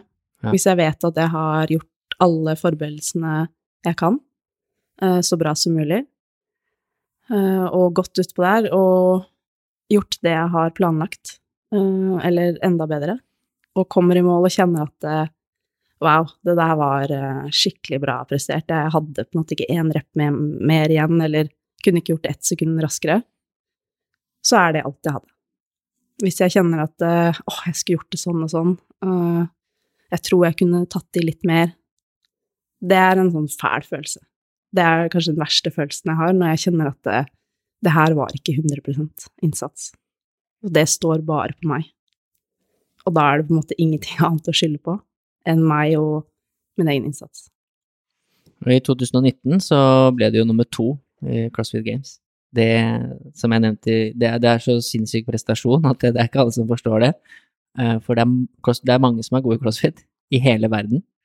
Og hun som vant, er jo relativt god. Men hvordan var den følelsen når du ble nummer to? Var du da fornøyd at dette var alt jeg hadde, eller hadde du en følelse at jeg kunne gjort litt mer? Nei, altså jeg, jeg har alltid hatt som mål å komme på, eller i hvert fall i starten, som mål å komme på pallen i Games. Um, jeg trodde at det skulle bli sånn syk lykkefølelse når jeg sto der, og spesielt etterpå. Men det var jo ikke det jeg, ble på en måte ikke noe lykkeligere av å bli nummer to enn å bli nummer fire eller sju. Um, jeg, jeg, følte jeg presterte opp mot mitt aller beste hele den helga, men fortsatt ting som kunne vært bedre. Så det var det jeg fokuserte på dagen etterpå. Det var ok, hva, hva skal vi jobbe med nå? Hva er neste? For jeg visste at jeg hadde mer i meg. Og det er jo det jeg har egentlig gått og venta på hele Eller hatt som mål hele karrieren at jeg skulle ha en konkurranse hvor jeg kjenner at alt går perfekt. Jeg fikk liksom ut absolutt alt av det potensialet, potensialet jeg har. Men det kommer aldri til å skje. Det har jeg jo innsett. Um, at det er veldig vanskelig, fordi alt blir ikke perfekt. Sånn er ikke livet. Så det var, det var bra, eh, og det var bra nok. Um, det var Hadde ingenting Uh, hadde ikke noe mer uh, egentlig å gi, og hadde ikke sjans på førsteplassen. Var, hun er overlegen, så det var på en måte det beste jeg kunne få ut der og da, og veldig, veldig stolt av å ha vært på pallen i Games. Men uh, ble ikke noe lykkeligere av den grunn. Nei.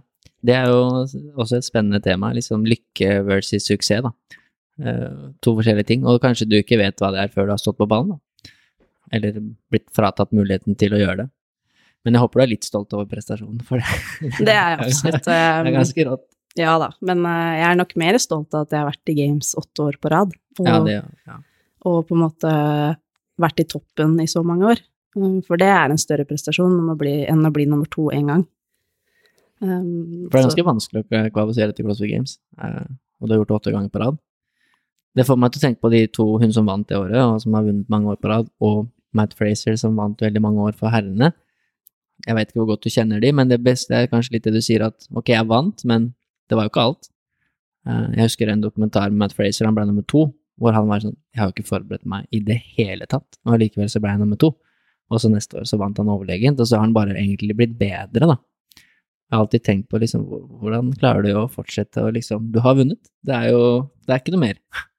Men det ligger kanskje mye i det du sier der, at jeg vant, men det var fortsatt ikke mitt beste. Det er kanskje der mye av nøkkelen ligger. Ja, jeg tror nok det, og jeg er veldig imponert over de, at eh, de, de ikke blir mett, at de fortsetter å jobbe, fordi de har vunnet alt som er å vinne. Uh, Allikevel kommer de tilbake og blir enda bedre året etter. Og det er, det er nok det, at de, de har fokus på, på, prestasjon og innsats, og de vet at de har litt mer i seg. Og, og da kommer de tilbake, og de vil vise på en måte hvor gode de kan bli, da. Ja, de er bra. Nå har jo Matt Fraser gitt seg også. Så nå er det jo mange av dere som har holdt på en stund, og som gir seg litt, da. Det er jo litt trist, men sånn er jo en del av idretten, da. Er det andre som kommer opp? Ganske kul han andre som kommer opp nå, som vant i fjor for gutter, da. Eller menn. Men uh, det er to ting før vi går litt videre og skal snakke litt om uh, kriger og krigertrening. Uh, det har jeg også alltid syntes vært litt fascinerende.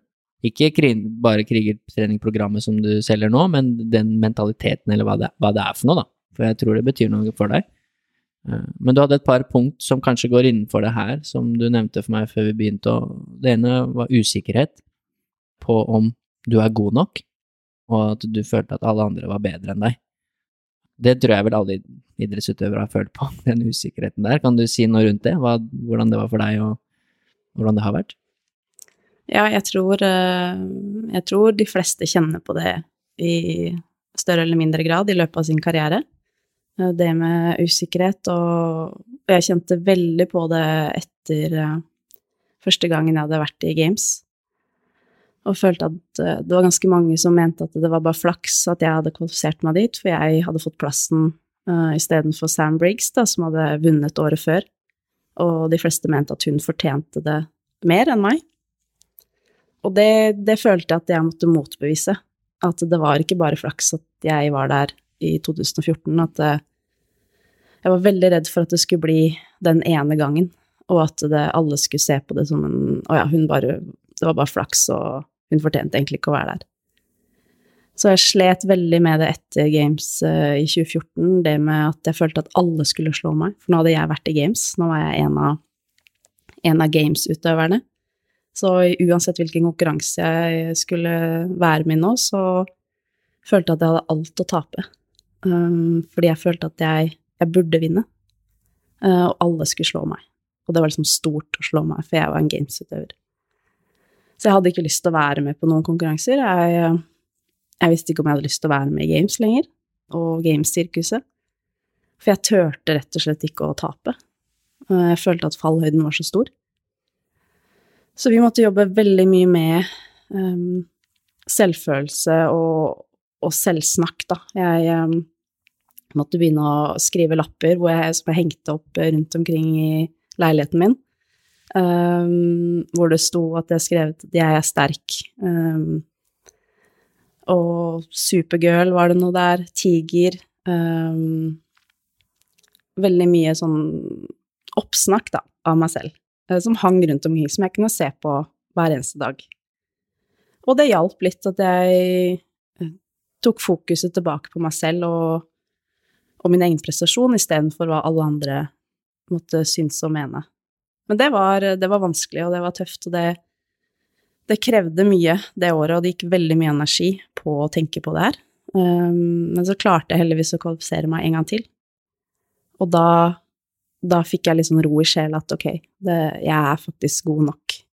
Det var ikke bare flaks i fjor. Og um, nå fortjente jeg faktisk å være her også. Så, så det har vært en reise fortsatt uh, I fjor så tenkte jeg at uh, jeg egentlig ikke var god nok for games. At jeg var, uh, måtte prestere mitt aller, aller beste for å være med å kjempe om topp fem i regionals.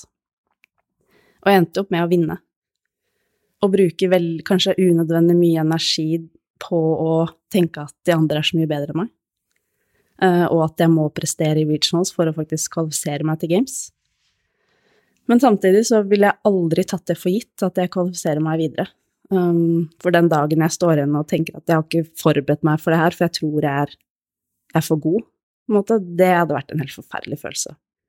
Um, så jeg har alltid forberedt meg sånn at uh, det har vært liksom 50-50 sjanse om jeg kvalifiserer videre eller ikke. Det har gått bra, åtte år på rad. Uh, men jeg tror også det har vært med på at, uh, å skjerpe meg, da. På at jeg, at jeg må prestere når det virkelig gjelder, og at jeg aldri tatt for gitt at jeg fortjener en plass i Games. Ja, det høres ut som en fin reise, og en læringsrik reise. Uh, for det var jo et av de punktene også som var det neste, det var jo at forberedelser var helt avgjørende for deg. og så var det en setning der som jeg hang meg litt opp i, men du skrev at alt som kan planlegges, det må planlegges. kan jeg si kort hva det, det Dere sier seg selv, men Ja, det er de som har vært med meg da, i teamet mitt på konkurranser, de blir litt overraska første gang, for da får de en sånn tidsplan.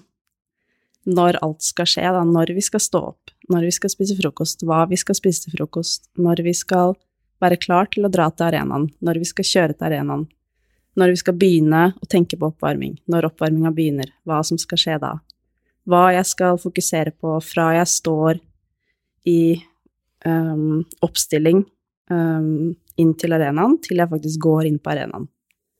Hva er fokuset det siste, det siste minuttet før jeg starter? Uh, hva er fokus underveis i økta? Og evaluering etter økta. Når skal jeg spise etter økta? Um, hva skjer da imellom økter? Um, er det tid til å koble av der? Tid til å se litt Friends? Ok, jeg har 20 minutter, se Friends. Uh, hva skal jeg ha på meg? Alle mulige ting da, som kan forberedes, det bruker jeg tid på å forberede, sånn at når jeg kommer dit, så har jeg kapasitet til å ta imot uforutsette ting som kan komme inn. For da er det meste klart.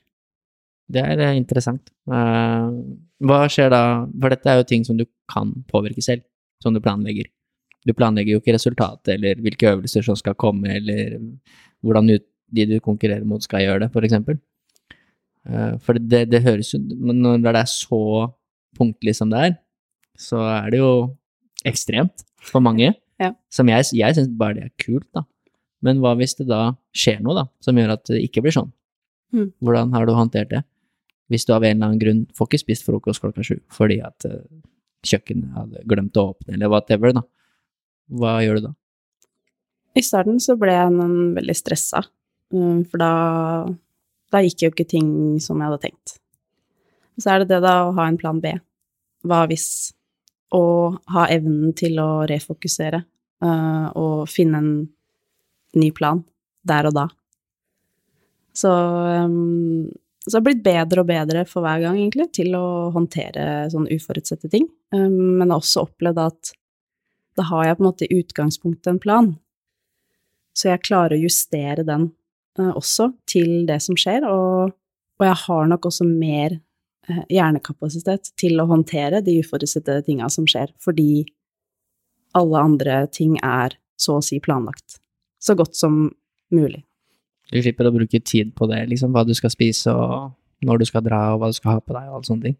Ja, alt er, alt er klart, alt er lagt i, i, poser med event på og mm. Oppvarming er skrevet ned, vet akkurat hva jeg skal gjøre når. Um, og vi vet jo som regel eh, når hvert event starter. Men det kan også bli flytta på, men da er det jo bare å flytte oppvarminga også. Så det er Det gjør det så veldig mye enklere, da. Uh, og for meg så har det fungert ekstremt bra, vært nødvendig for at jeg skal prestere. Og, og gjort at jeg har klart å komme inn i, i riktig uh, tilstand før en konkurranse. Det er en liten digresjon, da, men du burde hatt en prat med Anja Hammerseng din. Jeg tror dere hadde hatt mye å snakke om. Ja, veldig gjerne. Hun jobber mye med fokus. Eh, jeg har hatt en episode med henne. Ja, jeg tror dere hadde hatt mye å snakke om. Men hvordan var det her i Miami for Ingrid å ha denne tidsplanen? Fordi hun slår meg ikke som en som planlegger sånn som du gjør. Nei Litt mer eh, laidback. Eh. Ja, de vi er jo forskjellige på flere måter, alle vi tre som var på laget, men det, det er også fint, for vi kan bruke Utnytte hverandres styrker um, og veie opp hverandres svakheter. Um, så jeg var jo den som tok meg av sånn type planlegging. Um, så var det Lena som tok seg av outfit-planlegging, stort sett. Og så lagde Ingrid frokost, hadde fokus på, på maten. Og så hadde vi på en måte hver vår oppgave. Og så funka det veldig bra som et lag. Ja, dere vant jo, så det funka jo greit. Ja, det gjorde det. ja, det er kult. Jeg uh, syns det er fascinerende å høre. Og det, det er som, som jeg sa, jeg har jo bare sett deg konkurrere, eller folk har jo bare sett deg liksom, og hun har vært i games åtte ganger på rad. og uh, Man tar det jo også liksom for gitt. Uh, med alle fra Norge da, som gjør det bra, så er det liksom Du må vinne gull, hvis ikke er det ikke bra nok. Liksom sølv, hva er det som skjer nå? sånn er det ofte. Og sånn har det nok vært for mange, for meg og for andre, at liksom ja, men Kristin hun kvalifiserer seg uansett. Uh, så når det var NM nå i Functional Fitness, så bare sånn ja, men Kristin vinner. Mm. Og vi bare snakke om andre- og tredjeplass, liksom. Uh, har du kjent noe på det? Uh, oh, ja. hvordan har det vært for deg? Fordi det er noe helt annet for oss. Hvordan er det for deg, som faktisk da kanskje merker det at alle tenker at ja, hun vinner uansett? Mm. altså, samboeren min har fått så mye kjeft fordi han har veldig troa på meg. Ja. Og han er sånn Ja, det skal han jo ikke ha. Nei, men sånn hver gang, så her, det her klarer du bra. Du kommer til å vinne, liksom. Og jeg blir så sint. Jeg blir skikkelig irritert, fordi det bare Det legger et sånn ekstra press på meg. Uh, og jeg, jeg, vet at folk egentlig forventer det, men det verste er når jeg kjenner på det også, at jeg burde forvente det sjøl. Og spesielt det med NM kjente jeg veldig på, at uh, jeg burde virkelig vinne.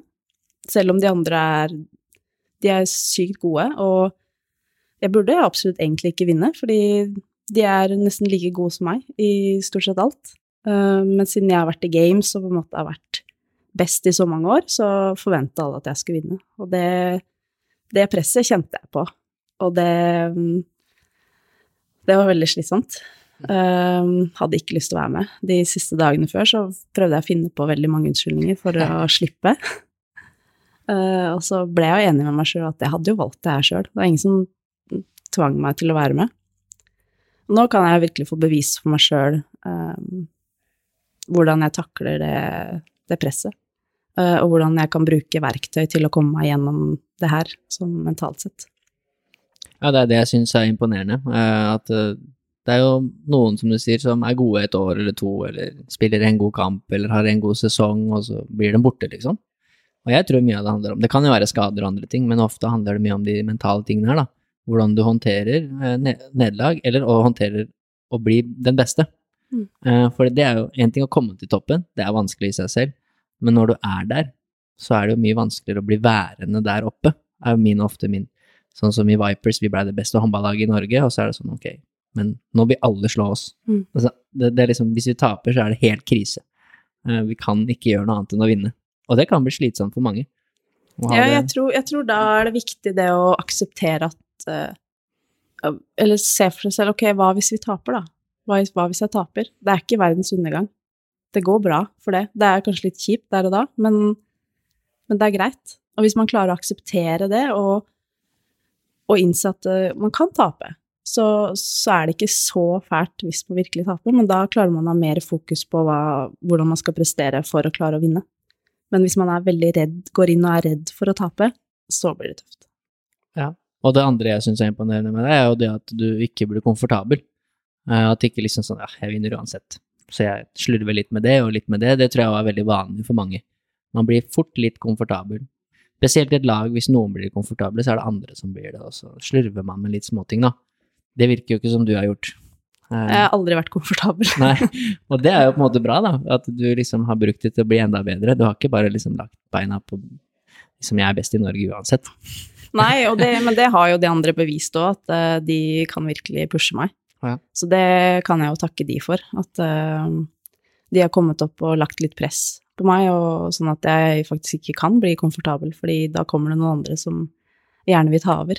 Og det har vært veldig bra for, uh, for min utvikling, og for utvikling av crossfit og functional fitness i Norge generelt. Du har jo noe som heter krigertrening. Eh, jeg tenkte vi skulle prate litt om det. Eh, det ene punktet heter kriger, og det andre heter krigertrening. Ja. Eh, og det har du jo blitt litt sånn kjent for i crossfit-verden, at du er en kriger, og du har, om det var noen tatovering eller hva det var, et eller annet i hvert fall, med kriger som du har på deg. Hva er det for noe? Du snakka om noen lapper i stad som hang på veggen hjemme med tiger og med andre ting. Mm. Jeg regner med det er noe mentalt med det, men Ja, er det? det var nok, det var nok kriger der òg. kriger er et ord som jeg brukte som et triggerord, og inspirert av uh, min mentaltrener Christian, som har vært i, i Forsvaret i mange år. Um, og når jeg ser, hvis jeg skriver kriger på hånda mi, eller sier kriger til meg selv, så ser jeg for meg at jeg er på en sånn battlefield, hvor jeg skal fra A til B uh, på raskest mulig måte vet at det kommer hindringer og utfordringer underveis, men det er ingenting som kan stoppe meg. Jeg har fullt fokus på å komme meg over på raskest mulig tid. Og målet er å være oppnå suksess på, på andre siden. Så når jeg har det da på hånda og skal ut på en økt, så må det selvfølgelig være en økt som krever en kriger. Det er ikke alle økter som krever det.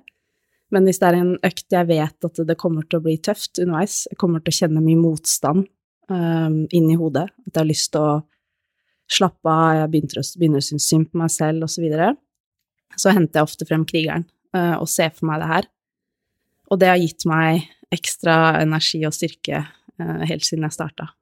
Og, og da har jeg flere ulike ord som jeg bruker uh, i ulike typer økter, som passer da til den styrken og energien jeg trenger i den økta.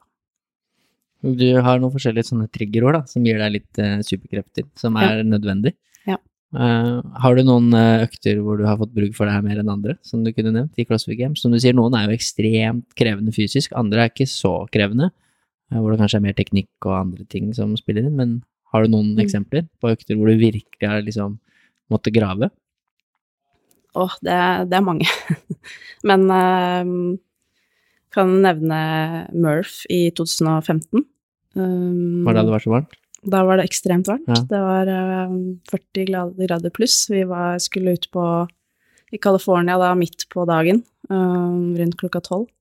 Det var så varmt. Det var ingen vind. Det var ingen, uh, ikke noe vann ute på arenaen der. Vi ble egentlig kokt levende. Og da, rett før vi skulle starte, så kom Dave Castro bort til oss, og så sa han at uh, Hadde en liten peptalk med oss og sa liksom det her gjør dere for noe som er større enn dere sjøl. Um, det her er en hero wood.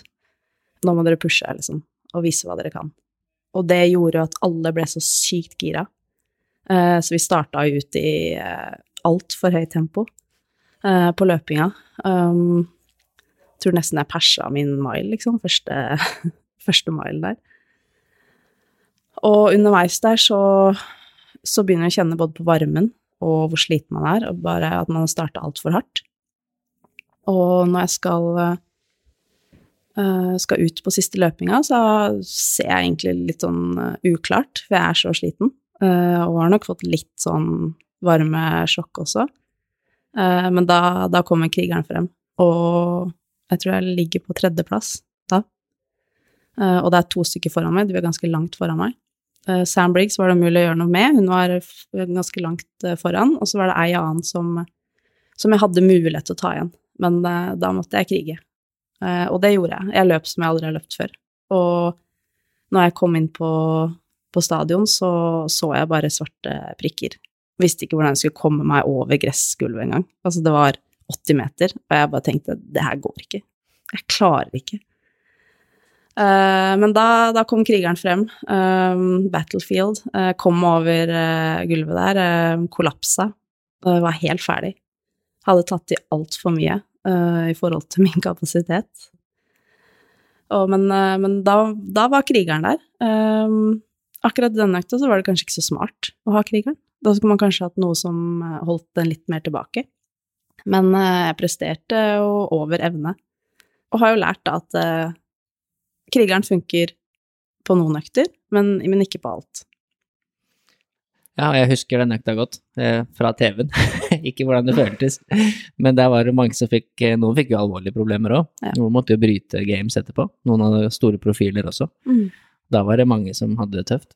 Mm. Uh, og for de som ikke vet hva en hero wood er, da, for det er jo ikke alle som vet hva crossfit er, så Murph, det er jo er det navnet på en soldat eller noe sånt, er det ikke det? Mm. Som da falt i kamp, eller altså det er noe sånt til ære for en hero, som de kaller det, da. Ja. For de som ikke skjønte det. Det er en tøff økt. Det er løping, Mm. og det er 100 pullups, det er 200 pushups og 300 knebøy, og så har dere på dere vektvest i tillegg. Ja. Så den er tøff nok å gjøre uten vektvest. Eh, Den er det. Den er det. Men ehm, ja, det er, eh, det er en kul historie, da, å fortelle. Ehm, og jeg er glad jeg har kjent på det her, fordi man trenger å kjenne liksom at man har vært skikkelig nede i kjelleren, uh, før man vet hva kjelleren er, og hvor den er hen. Ja, det er jo noe med den opplevelsen der. Det er jo ikke alt, alltid eller alle som opplever å se svarte prikker og bare nå er det over. Nei, og det, det er ikke alle som trenger å gjøre det, kanskje. Men, eh, men skal du konkurrere på toppnivå, så, så må du vite hvor uh, grensa di ligger. Og hvis du aldri tør å pushe litt forbi den grensa, så vet du ikke hvor den er. Nei, det er spennende. Uh, så kriger har betydd mye for deg gjennom uh, konkurranser, og du har forskjellige triggerord du sier til deg selv, basert på hvordan økt du skal gjennom. Mm. Uh, nå nylig, eller det kan godt hende det har vært en stund, så har du jo skapt noe som heter krigertrening, sammen med din coach eh, Joakim. Mm. Uh, og det har jo blitt veldig populært. Det, det føler det folk Nå er jeg veldig sånn i crossfit-miljøet, da, men det er jo folk overalt som driver med krigertrening, og både folk som gjør det for moro skyld, og folk som faktisk har som mål å bli ordentlig gode i crossfit. Da. Mm. Kan du fortelle litt mer om det? Om det programmet? Ja, det var noe vi eh, Altså, det er i bunn og grunn det programmet jeg har gjort eh, de siste åra. Um, og starta med Joakim eh, som fulltidscoach eh, i 2019. Og, eh, og jeg tror nok han ble litt sånn overraska i starten, for jeg var veldig Jeg spurte veldig mye, og lurte på hvorfor gjør vi det her? Hvorfor gjør vi det? Hvorfor skal jeg gjøre det? Hvordan vil det gjøre meg bedre? Um, så han fikk på en måte ikke noe gratis, han måtte alltid vite hvorfor han satte opp noe til meg på programmet. Og det har vi videreført eh, i krigertraining, at vi vil, vi vil på en måte utdanne utøverne våre, sånn at eh, de forstår hvorfor de gjør det og det. Sånn at de kan også um, få mer eierskap i programmet, og de også kan bestemme selv, ok, jeg, nå ser jeg vi gjør det på grunn av det og det, det trenger ikke jeg å bli bedre, der er jeg ganske god, da kan jeg kutte ut det og heller fokusere på det andre. Sånn at utøverne selv får en bedre forståelse av hvordan programmet er oppbygd, hvorfor de gjør alt de gjør, eh, og hvordan de kan legge det opp best mulig til å nå sine mål eh, og nå sitt potensial. For dere har hatt noen sånne, eller har kanskje enda da, litt sånn camper og workshops og sånn også, for utøverne? Mm. Det er veldig gøy å møte utøverne face to face. Eh, Det skulle jeg gjerne hatt hver eneste helg. Ja. Eh, Hadde hatt tid til det. Um, For det er det som gir oss absolutt mest. Å kunne være der og ha hands on og kunne måtte hjelpe utøverne der de er, da. Um, Og det håper vi å få til mye mer av eh, fremover. Og skulle gjerne hatt også alle sammen som jeg kunne trent med hver eneste dag. Som, sånn at vi kunne pusha hverandre, sånn at vi kunne hjulpet hverandre. Um, og det, det var egentlig derfor vi skapte det her, for å få et community og en gruppe blant de som satser litt, da, og har lyst til å bli så gode som de kan bli. Det er kult. Jeg skal spørre deg litt om crossfit etterpå, eller hvordan du ser veien videre for det i Norge, eh, og functional fitness. Men eh, det er ikke sikkert du kan svare på eller vet, men hvor mange er det som bruker krigertreningprogrammet nå? Nå har vi litt over 300 Ja. utøvere, mm. Det er mange. og det er veldig kult. Ja, det er gøy. Jeg har prøvd noen økter sjøl, og det er jo Er det forskjellige nivåer på det òg? Ja, vi har ja. på all gymnastikken og alle økter, eller Metcon, så har vi level 3, 2 og 1. Ja. Så um, da er det noe for eh, alle enhver, og på styrken så går vi ut fra prosent, sånn at det er, eh, det er mulig å være med, med, være med for alle på alle nivåer. Uh, vi har i utgangspunktet så er det, er det satt opp to økter um, per dag, fem dager i uka. Eh, men veldig mange kjører alt som én økt, og da har vi eh, satt opp forslag til hvordan man kan sette det sammen som én økt, eh, og så en 60 minutters variant, da, for de som ikke har så mye tid. Ja, det er veldig gøy det der, at dere på en måte avslører litt deres Du avslører sikkert ikke alle hemmelighetene dine, og som du sier, noen av de som kanskje har vært helt avgjørende som mentaltrening, er det jo vanskelig å synes du videreføre på noen andre, for det er jo for deg. Men det har jo blitt en sånn greie. Matt Fraser har jo et program nå, Hard Work Pays Off, og så Mm. vet jeg at uh, han, treneren til hun Katrin som var treneren, de har jo et program, Comp, Mm. Comp Train. Jeg har jo prøvd alle disse, uh, bare for gøy, da. Det er veldig morsomt å se. Mm. Uh, hvordan folk tenker litt ulikt, og at man deler litt liksom 'Dette har jeg gjort, det har funka for meg', og sånn. Mm. At dere gir idrettsutøvere der ute muligheten til å trene som du har gjort, da. Det tror jeg er inspirerende for mange. Ja, det, jeg håper det. Og vi har jo Jeg har klart å snike inn litt mentaltrening der òg, med jeg har en sånn daily mindset track Ja, cool. hver dag. Så um, det, jeg er jo veldig fan av det, og jeg tror Det er mye å si, det. Ja. det har mye å si, og det, er liksom, det skal ikke så mye til. Uh, man kan bare starte i det små, og så er det en ting som man ikke tenker er mentaltrening, men som er der likevel. Og så kanskje det gjør at man får en, en bedre økt eller en bedre dag generelt, da. Mm. Det, det håper jeg at eh, folk eh, får erfart, og at jeg kan på en måte videreføre litt, da. Det er, en, eh, det er et tøft program. Det er veldig imponerende å se hvor gode eh, måte, dere er, og de som begynner å nærme seg liksom toppen av nivået. Altså, anser jo meg selv som en som er i normalt god form. Og så når jeg prøver disse programmene og er med på nøkter, så det er så vanvittig de tingene dere gjør. Jeg gjorde en sånn krigerakt med Seher, som er jo en av de bedre i Norge nå. Og, og da skulle jeg gjøre liksom det nivå tre, og skulle være med og bare se for gøy, da. Det var en økt som passa som jeg, liksom, den kan jeg gjøre. Og så hadde jeg gjort ferdig, og så var det sånn, jeg overlevde. Og så hun bare, ja, nå er vi halvveis. Så sånn, ok, nå, nå er det over. Da var det en time egentlig igjen, da. Ja, Så Ja. det er, det er alltid like gøy. Er- jeg gjorde ikke resten, altså. Jeg var ferdig.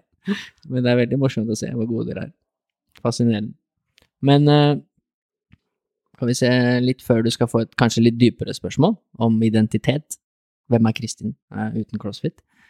Så vil jeg jo si, siden vi var inne på det, hva, hva ser du på veien videre for CrossFit nå? Um, jeg husker jo at når du ble nummer to i CrossFit Games, så ble jeg forbanna på norske medier, fordi at det var nesten ingen som skrev om det. Uh, og jeg husker jeg la ut uh, noen stories på Instagram og tagga TV2 og VG og sånn. Hvor er dere, liksom? Når dere må våkne. Fordi dette er en stor idrettsprestasjon, og det var liksom ingen som Og jeg vet det har blitt litt bedre nå, men det er fortsatt lite. Men du har jo blitt veldig stor på Instagram. Du har jo, jeg vet ikke, over 100, og- 100 000 følgere, over det. Uh, som er bra, da, for man må jo skape interesse. Men hvordan ser du veien videre med CrossFit for de som driver med det nå, og få flere til å kanskje kunne leve av det og ha det som i sin idrett, da? Godt spørsmål. Um, jeg håper jo Altså, Nå virker det som om de aller fleste vet hva crossfit er, i hvert fall. Så det er en god start. Eh, det er kanskje ikke alle som vet at man konkurrerer i crossfit, og hvor stort det faktisk er, eh, spesielt i USA. Men, eh, men jeg føler det er på vei. eh, At eh, det blir Altså, jo flere som gjør det bra, eh, jo mer medieoppmerksomhet får man jo gjerne. Eh, Så jeg har jo veldig troa på de de norske utøverne nå eh, som kommer opp, at de kan prestere veldig bra eh, i de neste åra, sånn at vi kan få enda mer medieoppmerksomhet rundt det. Og jeg vet at altså, i utlandet så er det um, ganske greit å få seg sponsorer. Uh, ikke så lett å få så mange sponsorer, eller så gode sponsorer, sånn at man kan leve av det. Uh, men det er i hvert fall mulig å få noen sponsorer hvis man har noen litt følgere da, på Instagram spesielt. Eh, Sånn at man kan kanskje jobbe bare litt ved siden av, og at man kan klare faktisk å ha fokus, nesten 100% fokus på trening. Og eh, nå med functional fitness eh, kommer inn, og vi har et landslag, så gjør jo det også mulighetene bedre for utøverne. Å jobbe med der og få inn enda mer sponsorer. Se faktisk hva vi presterer, og hvor gode Norge er i functional fitness, og hvor gode vi kommer til å bli i fremtiden i crossfit også. Så jeg ser lys på det, um, både i eh, Norge og eh, håper at det, sånn generelt i Europa, at det tar seg opp enda mer, sånn som det har vært i USA. Og at eh, enda større firmaer er villige til å gå inn med penger og satse på utøvere, sånn at eh, enda flere kan satse 100% Ja, det håper jeg også. Det, det er jo, jeg, jeg har veldig troa på CrossFit også som underholdning. Eller altså, idrett må jo til syvende og sist òg være underholdning for at folk skal gidde å se på. Og det er ikke alle events, da, men sånn generelt så tror jeg det er god underholdningsverdi å se, for det er veldig imponerende det dere gjør med kroppene deres, da. Liksom, hva er det som skjer her, liksom? Det henger i ringer og gjør muscle-ups og går på hendene, ikke sant. For mange er det jo helt sånn, hva er det som skjer her? Så jeg har trua på det som underholdning, og jeg tror også at Norge egentlig er åpne for det, for det er veldig mange sære idretter som har blitt store, som du sier, fordi at det er noen eller en som har gjort det veldig bra, da. Som sjakk eller 400 meter hekk, ikke sant. Det er ingen som brydde seg om 400 meter hekk før, det er ingen som gadd å se på det. Eller 1500 meter løping med Jakob Ingebrigtsen og sånn. Eh, Så man må liksom ha noen som går foran, da, sånn som deg, eh, som gjør at noen får, folk får øynene opp for det. Eh, Og det ble vel vist på TV i fjor, NM-veka og Ja. Så det, det er på vei. det er på vei. Ja.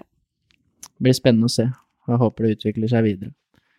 Men det kanskje mest interessante for denne episoden er jo hvordan din vei videre er. For nå har du holdt på med det her i ti år, og sikkert lenger, men ti år på høyt nivå. Det har vært med i CrossFit Games åtte år på rad og ja, gjort det du kan gjøre innenfor CrossFit, og nå har du bestemt deg for å legge opp. Mm. Så det første spørsmålet er jo hva er grunnen til at du har valgt å gi deg, eh, og hva er veien videre for Kristin uten CrossFit? I hvert fall uten å konkurrere, da. Um, grunnen til at jeg eh, valgte å gi meg nå, var, eh, var hovedsakelig at jeg, jeg kjenner at jeg jeg ikke Jeg kan ikke legge inn 100% av min tid og energi på uh, å bli best mulig lenger. Uh, jeg føler jeg må prioritere litt annerledes. Um, jeg føler jeg har gjort nok harde økter opp gjennom årene. At jeg Motivasjonen er ikke der, rett og slett, til å gå helt i kjelleren når jeg, når jeg må det. Og jeg kjente at jeg ikke Jeg var villig til å gjøre det ett år til i fjor. Um, men, men det var det jeg hadde på en måte av mental kapasitet til å pushe gjennom uh, og fokusere 100% på å bli en bedre utøver. Og jeg følte også at uh, under Games i år så klarte jeg å vise frem mitt virkelige potensial. At jeg kunne både løpe fort, jeg var god på gymnastikk, og jeg kunne også løfte tunge vekter. Noe som alltid har vært mitt mål, å kunne bli en så helhetlig og komplett crossfit-utøver som mulig. Og det, det følte jeg at jeg fikk vist ganske bra frem i år. Jeg, fortsatt noen ting som kunne vært bedre, men det er det alltid. Uh, men men jeg, var, jeg føler jeg var så nær som jeg kanskje kunne, da, bli. Og, og det å kunne velge at nå vil jeg gi meg, istedenfor at en skade satte meg ut igjen. Uh, og spill, det var veldig viktig for meg, og det tror jeg kommer til å gjøre at jeg får det bedre de neste årene også, at jeg har faktisk valgt det her sjøl, og ikke blitt tvunget til det.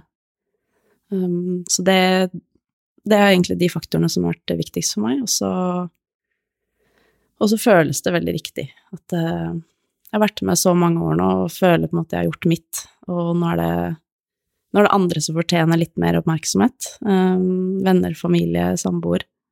Uh, som jeg har Jeg har vært veldig egoistisk i alle disse seks årene, nei, åtte årene. Så jeg har vel følt at det var, uh, det var på tide å gi de litt mer tid. Ja, eh, vi skal snakke litt mer om det, men du sa det der at du har vært veldig egoistisk. Eh, hvordan var dine tanker og meninger rundt det? Altså, for du må jo være det, hvis du skal bli Mm. så god eh, som du ønsket å bli, da. Hvordan er det å liksom prioritere vekk eh, venner og familie og kjærester og fester og alt mulig rart opp igjennom? For det, det er vanskelig for mange. Og vanskelig for mange å forstå at kanskje det er det som skal til, da. Mm. Ja, det er eh, Det er nok vanskeligst for meg, for jeg får dårlig samvittighet Ja. for alle, all tiden jeg bruker på meg selv i forhold til andre. Men jeg har opplevd at eh, alle rundt meg har forstått det veldig godt. De vet hvor dedikert jeg har vært, eh, og hva mine mål er. Og de har støtta meg 100 eh, på veien. Så um, Ja, nei, det har eh, Det har vært tøft til tider, men jeg føler at alle har vært med meg på laget, sånn at det har gått veldig fint. Um, så Men de fortjener absolutt eh, mye tid og energi fra meg nå fremover. Ja, det får de jo. Men det syns jeg var kult, at eh, du har vært en individuell utøver hovedsakelig. Selv om du starta og avslutta karrieren på team, så er det jo individuell du har holdt på med.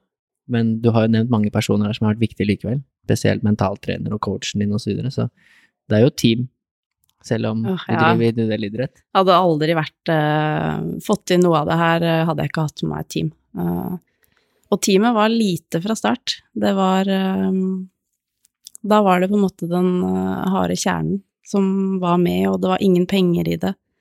men de støtta meg og hadde troa på meg. Og det var det viktigste i starten, uh, for da var det da var det et spleiselag for å få meg til games de første åra. Um, og sykt takknemlig for alle som har lagt ned masse tid og energi på at jeg skal kunne uh, nå målene mine, da, og mitt potensial.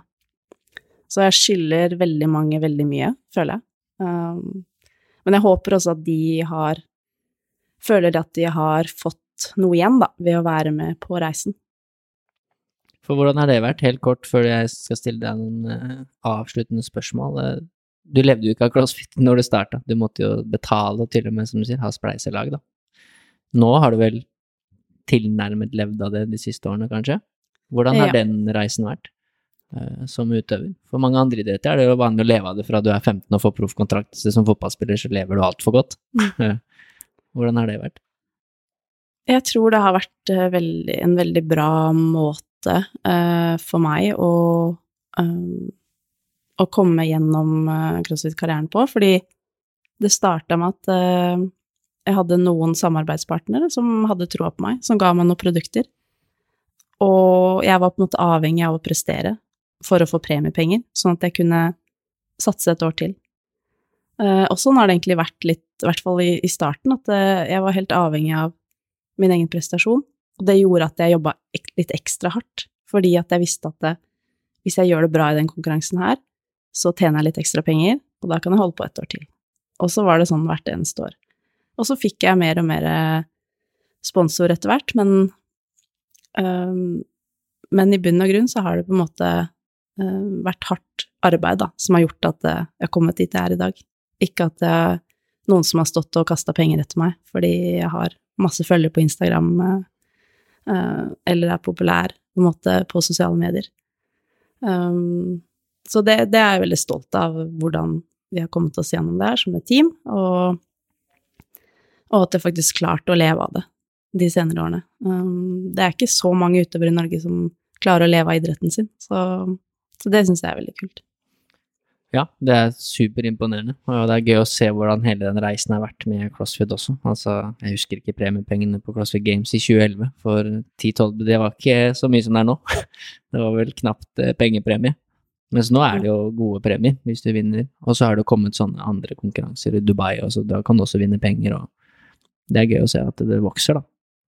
Og at det er flere nå som satser. Jeg kjenner jo flere her på bygget òg som virkelig jobber kanskje med det samme som du gjorde for ti år siden, da Mm. Må betale sjøl for å holde på, da. Må mm. ha foreldre og andre som betaler, og kanskje en klessponsor som gir dem noen tightser og noen klær og så videre, så, som kanskje er litt i den reisen som du har vært i. Mm, og det, det, tror jeg er viktig at de, man ikke er for kravstor i starten heller. Uh, at man aksepterer det at uh, man må faktisk prestere før man kan forvente veldig mye av sponsorene sine også. Uh, og det er jo liksom som kan gi litt ekstra motivasjon, da. Ja. Hvordan er det å ha 100 og veit ikke mange tusen følgere du har på Instagram? Er det press, det òg, eller føler du noe ansvar for alle de som følger deg? Er det noe slit, slitsomt, liksom, å ha så mange? Uh, jeg tenker ikke så veldig mye på antallet, egentlig, men uh, det, er, det, er, ganske sjukt at jeg har så mange følgere ja. som vil følge med på det jeg driver med. Um, Syns til tider sosiale medier er slitsomt. det er ikke derfor jeg driver med det her. Jeg driver med det for å kunne trene og, og prestere. Um, men samtidig så er vi veldig heldige ved at crossfit er en veldig stor idrett, sport, på sosiale medier. Sånn at det er, uh, det er mulig å tjene en del penger, da, hvis man har litt følgere. Um, som er en forholdsvis enkel måte å tjene penger på uh, i forhold til å jobbe kanskje ellers, da. Um, så det er litt sånn litt blanda følelser med det. Um, veldig gøy når eh, følgere er engasjert og, og, liker det du holder på med. Uh, og så er det også slitsomt når du, når du, må gjøre ting på sosiale medier. Ja, det kan jeg se for meg, at det er litt trøkk når du har så mange følgere. Uh, mange som har spørsmål og lurer på ting, og som vil ha en bit av deg, da.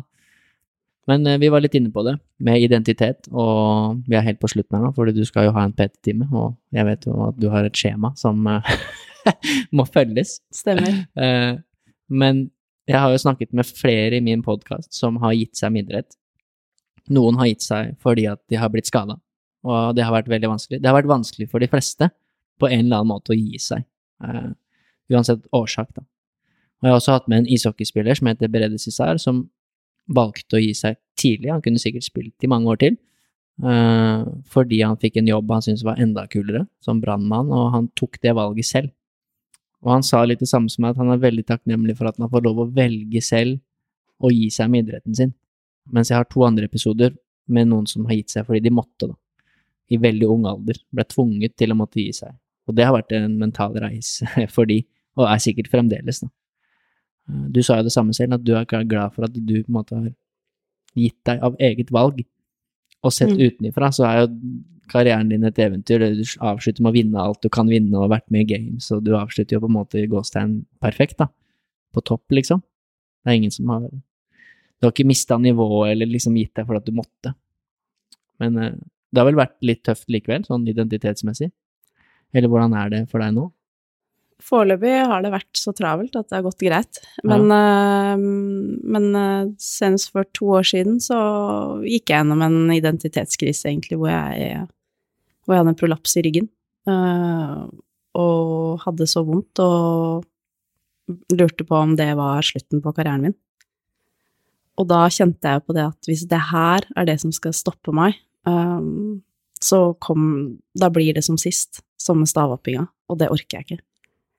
Så da, da måtte jeg jobbe masse med hvem er jeg, hvem er Kristin uten crossfit? For jeg definerte meg selv som Kristin, eller crossfit-Kristin. Mhm. Mens hva hvis jeg ikke er det lenger, da? Det er mange andre som har definert seg deg som òg. Ja. ja, og da Det var veldig vanskelig for meg da å finne noe annet eh, jeg kunne identifisere, identifisere meg med. Så det, det tok lang tid. Uh, det var kjempevanskelig uh, og tøft. Jeg måtte snakke med psykolog om det, jeg måtte snakke med min mentaltrener. Og um, etter hvert så kom jeg på en måte litt mer frem til å akseptere at en dag så er jeg Kristin som kanskje ikke driver med crossfit. Jeg trener crossfit, men jeg konkurrerer ikke crossfit. Og det at jeg tok den jobben da, eh, det kjenner jeg at det er veldig bra for meg nå. Fordi det gjør det, den overgangen her så mye lettere. At jeg faktisk har funnet Jeg har akseptert at jeg jeg er bra, selv om jeg ikke driver med crossfit og presterer bra. Altså, vennene mine og familien min liker meg for det. De liker meg ikke fordi jeg driver med crossfit, Uh, men kanskje til tross for at jeg driver med crossfit. Eh, så det er litt sånne ting som, uh, som jeg har jobba mye med, og som har hjulpet meg veldig mye eh, nå. Men jeg, jeg venter også på at det, det blir litt tøffere. At jeg sitter der og kjenner på at jeg gjerne skulle vært med. Det tror jeg helt sikkert kommer. Og kjenner at Jeg har kjent på det også, hva, at jeg, jeg er ikke god på noen ting. Fordi det er det her jeg kan. Og så skal jeg drive og gjøre masse ting som jeg ikke kan. Uh, Men det er du god på. Voks. ja, men voksenlivet, liksom. Det er uh, Nei, det, jeg gruer meg. Uh, jeg gruer meg litt, men jeg gleder meg også, fordi det gjør at jeg kan, kan gå ut av komfortsonen og så utfordre meg på andre ting, selv om det er litt slitsomt. For man begynne litt på nytt. Men, men jeg tar den utfordringen. Det virker som du har forberedt deg litt, da. Og at du fikk den prolapsen også, så ble du tvunget litt til å forberede deg på dette her. Som sikkert har hjulpet deg nå. Og så fikk du en bra slutt, da. Så det er ingen som kan ta deg på noe som helst. Nei da, det Ja, jeg kunne ikke drømt om noe bedre avslutning, men jeg fikk masse konkurranser, fikk reist masse, fikk møtt masse, masse mennesker, eh, snakka med de, og etter pandemien så var det veldig godt å kunne eh, være med på noen live-konkurranser igjen, før det var slutt. Ja. Så veldig takknemlig for det, og så få den gode avslutningen med Lena og Ingrid som skal videreføre kriger og Ja, er Norges for, ære nå. klare for oppgaven, de. Det er de absolutt. Um, det er mange som eh, fortsetter idretten selv om de gir seg, ofte som trenere eller andre, og du har jo allerede solgt et program som over 300 personer gjør hver dag. Det er jo ganske rått. Ser du noe på deg selv som noe fremtidig coach, eller hjelpe andre? Du er jo det allerede nå, men sånn én til én og følge opp utøvere og sånn? jeg har veldig lyst til det. Um, så du kommer nok til å se meg i en, en eller annen coachrolle i fremtiden. Um, og har jo både bakgrunn fra ernæring, uh, studerer litt uh, mentaltrening, uh, idrettspsykologi nå. Ja, for du nevnte jo litt sånn beskjedent at du har en master i klinisk ernæring. Det er ikke ja. bare bare det. Nei da. Uh, så jeg har jo på en måte Jeg har, jeg har uh, mye å stå på. Um, og mye å falle tilbake på, så Men det er bare å finne ut av hva jeg har mest lyst til å gjøre. Og jeg har veldig lyst til å videreføre mye av det jeg har lært, og de erfaringene jeg har gjort meg, til de utøverne som er på vei opp nå, sånn at de kan nå sitt potensial kanskje litt tidligere enn jeg gjorde, da. De er heldige, de som får deg som coach, i hvert fall. Og jeg er ganske sikker på at den døra er det mange som løper ned hvis du sier at du skal begynne å coache. det blir spennende å se. Du skal inn og ha en pet-time her nå etterpå. Stemmer. Eh, så helt til slutt, da, for jeg vil jeg bare først bare takke deg for at du er med. Det setter jeg stor pris på. Det er kult for meg å få med så store idrettsutøvere med i min pod, uh, som er kult. Og jeg vet den episoden her blir veldig verdifull for mange. Og du kommer sikkert til å få mye meldinger, forhåpentligvis. Det er jo ikke det viktigste, men jeg vet, og jeg kjenner så mange som trenger å høre mye av de tingene som du har snakka om. Setter ord på mange av disse tingene som er vanskelig og tøft som idrettsutøver. For det er ikke bare bare å skulle bli best. Det, det, krever mye, både mentalt og fysisk. Så helt til slutt, da, så lurte jeg jo på, du har jo nå gitt enormt mange tips underveis, men for å oppsummere litt i et par minutter, har du noen konkrete tips da, til utøvere der ute som du mener er viktig? Altså hva som helst, men veldig konkret, som kan være lurt å liksom tenke på. Du har jo nevnt banditt. Ja, vi kan jo oppsummere litt uh, det med fokus. Uh, fokusere på de tingene man kan kontrollere. forberedelser. Gjør de forberedelsene du vet kreves for at du skal prestere på ditt absolutt beste. Lytt til kroppen. Um, det har vi ikke snakka så mye om, men det med kvalitet på trening er mye viktigere enn kvantitet. Um, heller trene litt for lite enn litt for mye. Og det er så viktig hvis man lytter til kroppen, uh, så går det som regel Så går vondten som regel over uh, i løpet av noen få dager, kanskje en uke. Men hvis man bare pusher gjennom, så kan det oppstå langvarige skader, og det er så, det er så kjedelig når man er ute i flere måneder. Når man faktisk kunne ha lytta til kroppen og klart seg med noen få dager.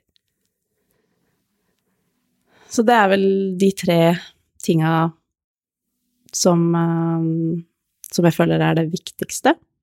Men jeg har mange andre tips òg, så Det er bare å høre på episoden og ja. egentlig gjøre notater underveis, for der er det mange. Men uh, tusen takk. Nå, skal, nå, har du fem minutter før du skal ha time, så jeg tør ikke å gå over tida di her nå. Så takk for at du var med, og setter stor pris på det. Tusen takk for invitasjonen. Tusen takk for at du har satt av tid til å lytte. Det setter jeg stor pris på, og jeg håper at du sitter igjen med noe verdifullt. Hvis du ønsker mer inspirasjon til trening og helse, følg meg, coach Elo, på Instagram. Der kan du også stille meg spørsmål, samt komme med tilbakemeldinger til podkasten. Du finner lenken i episodebeskrivelsen.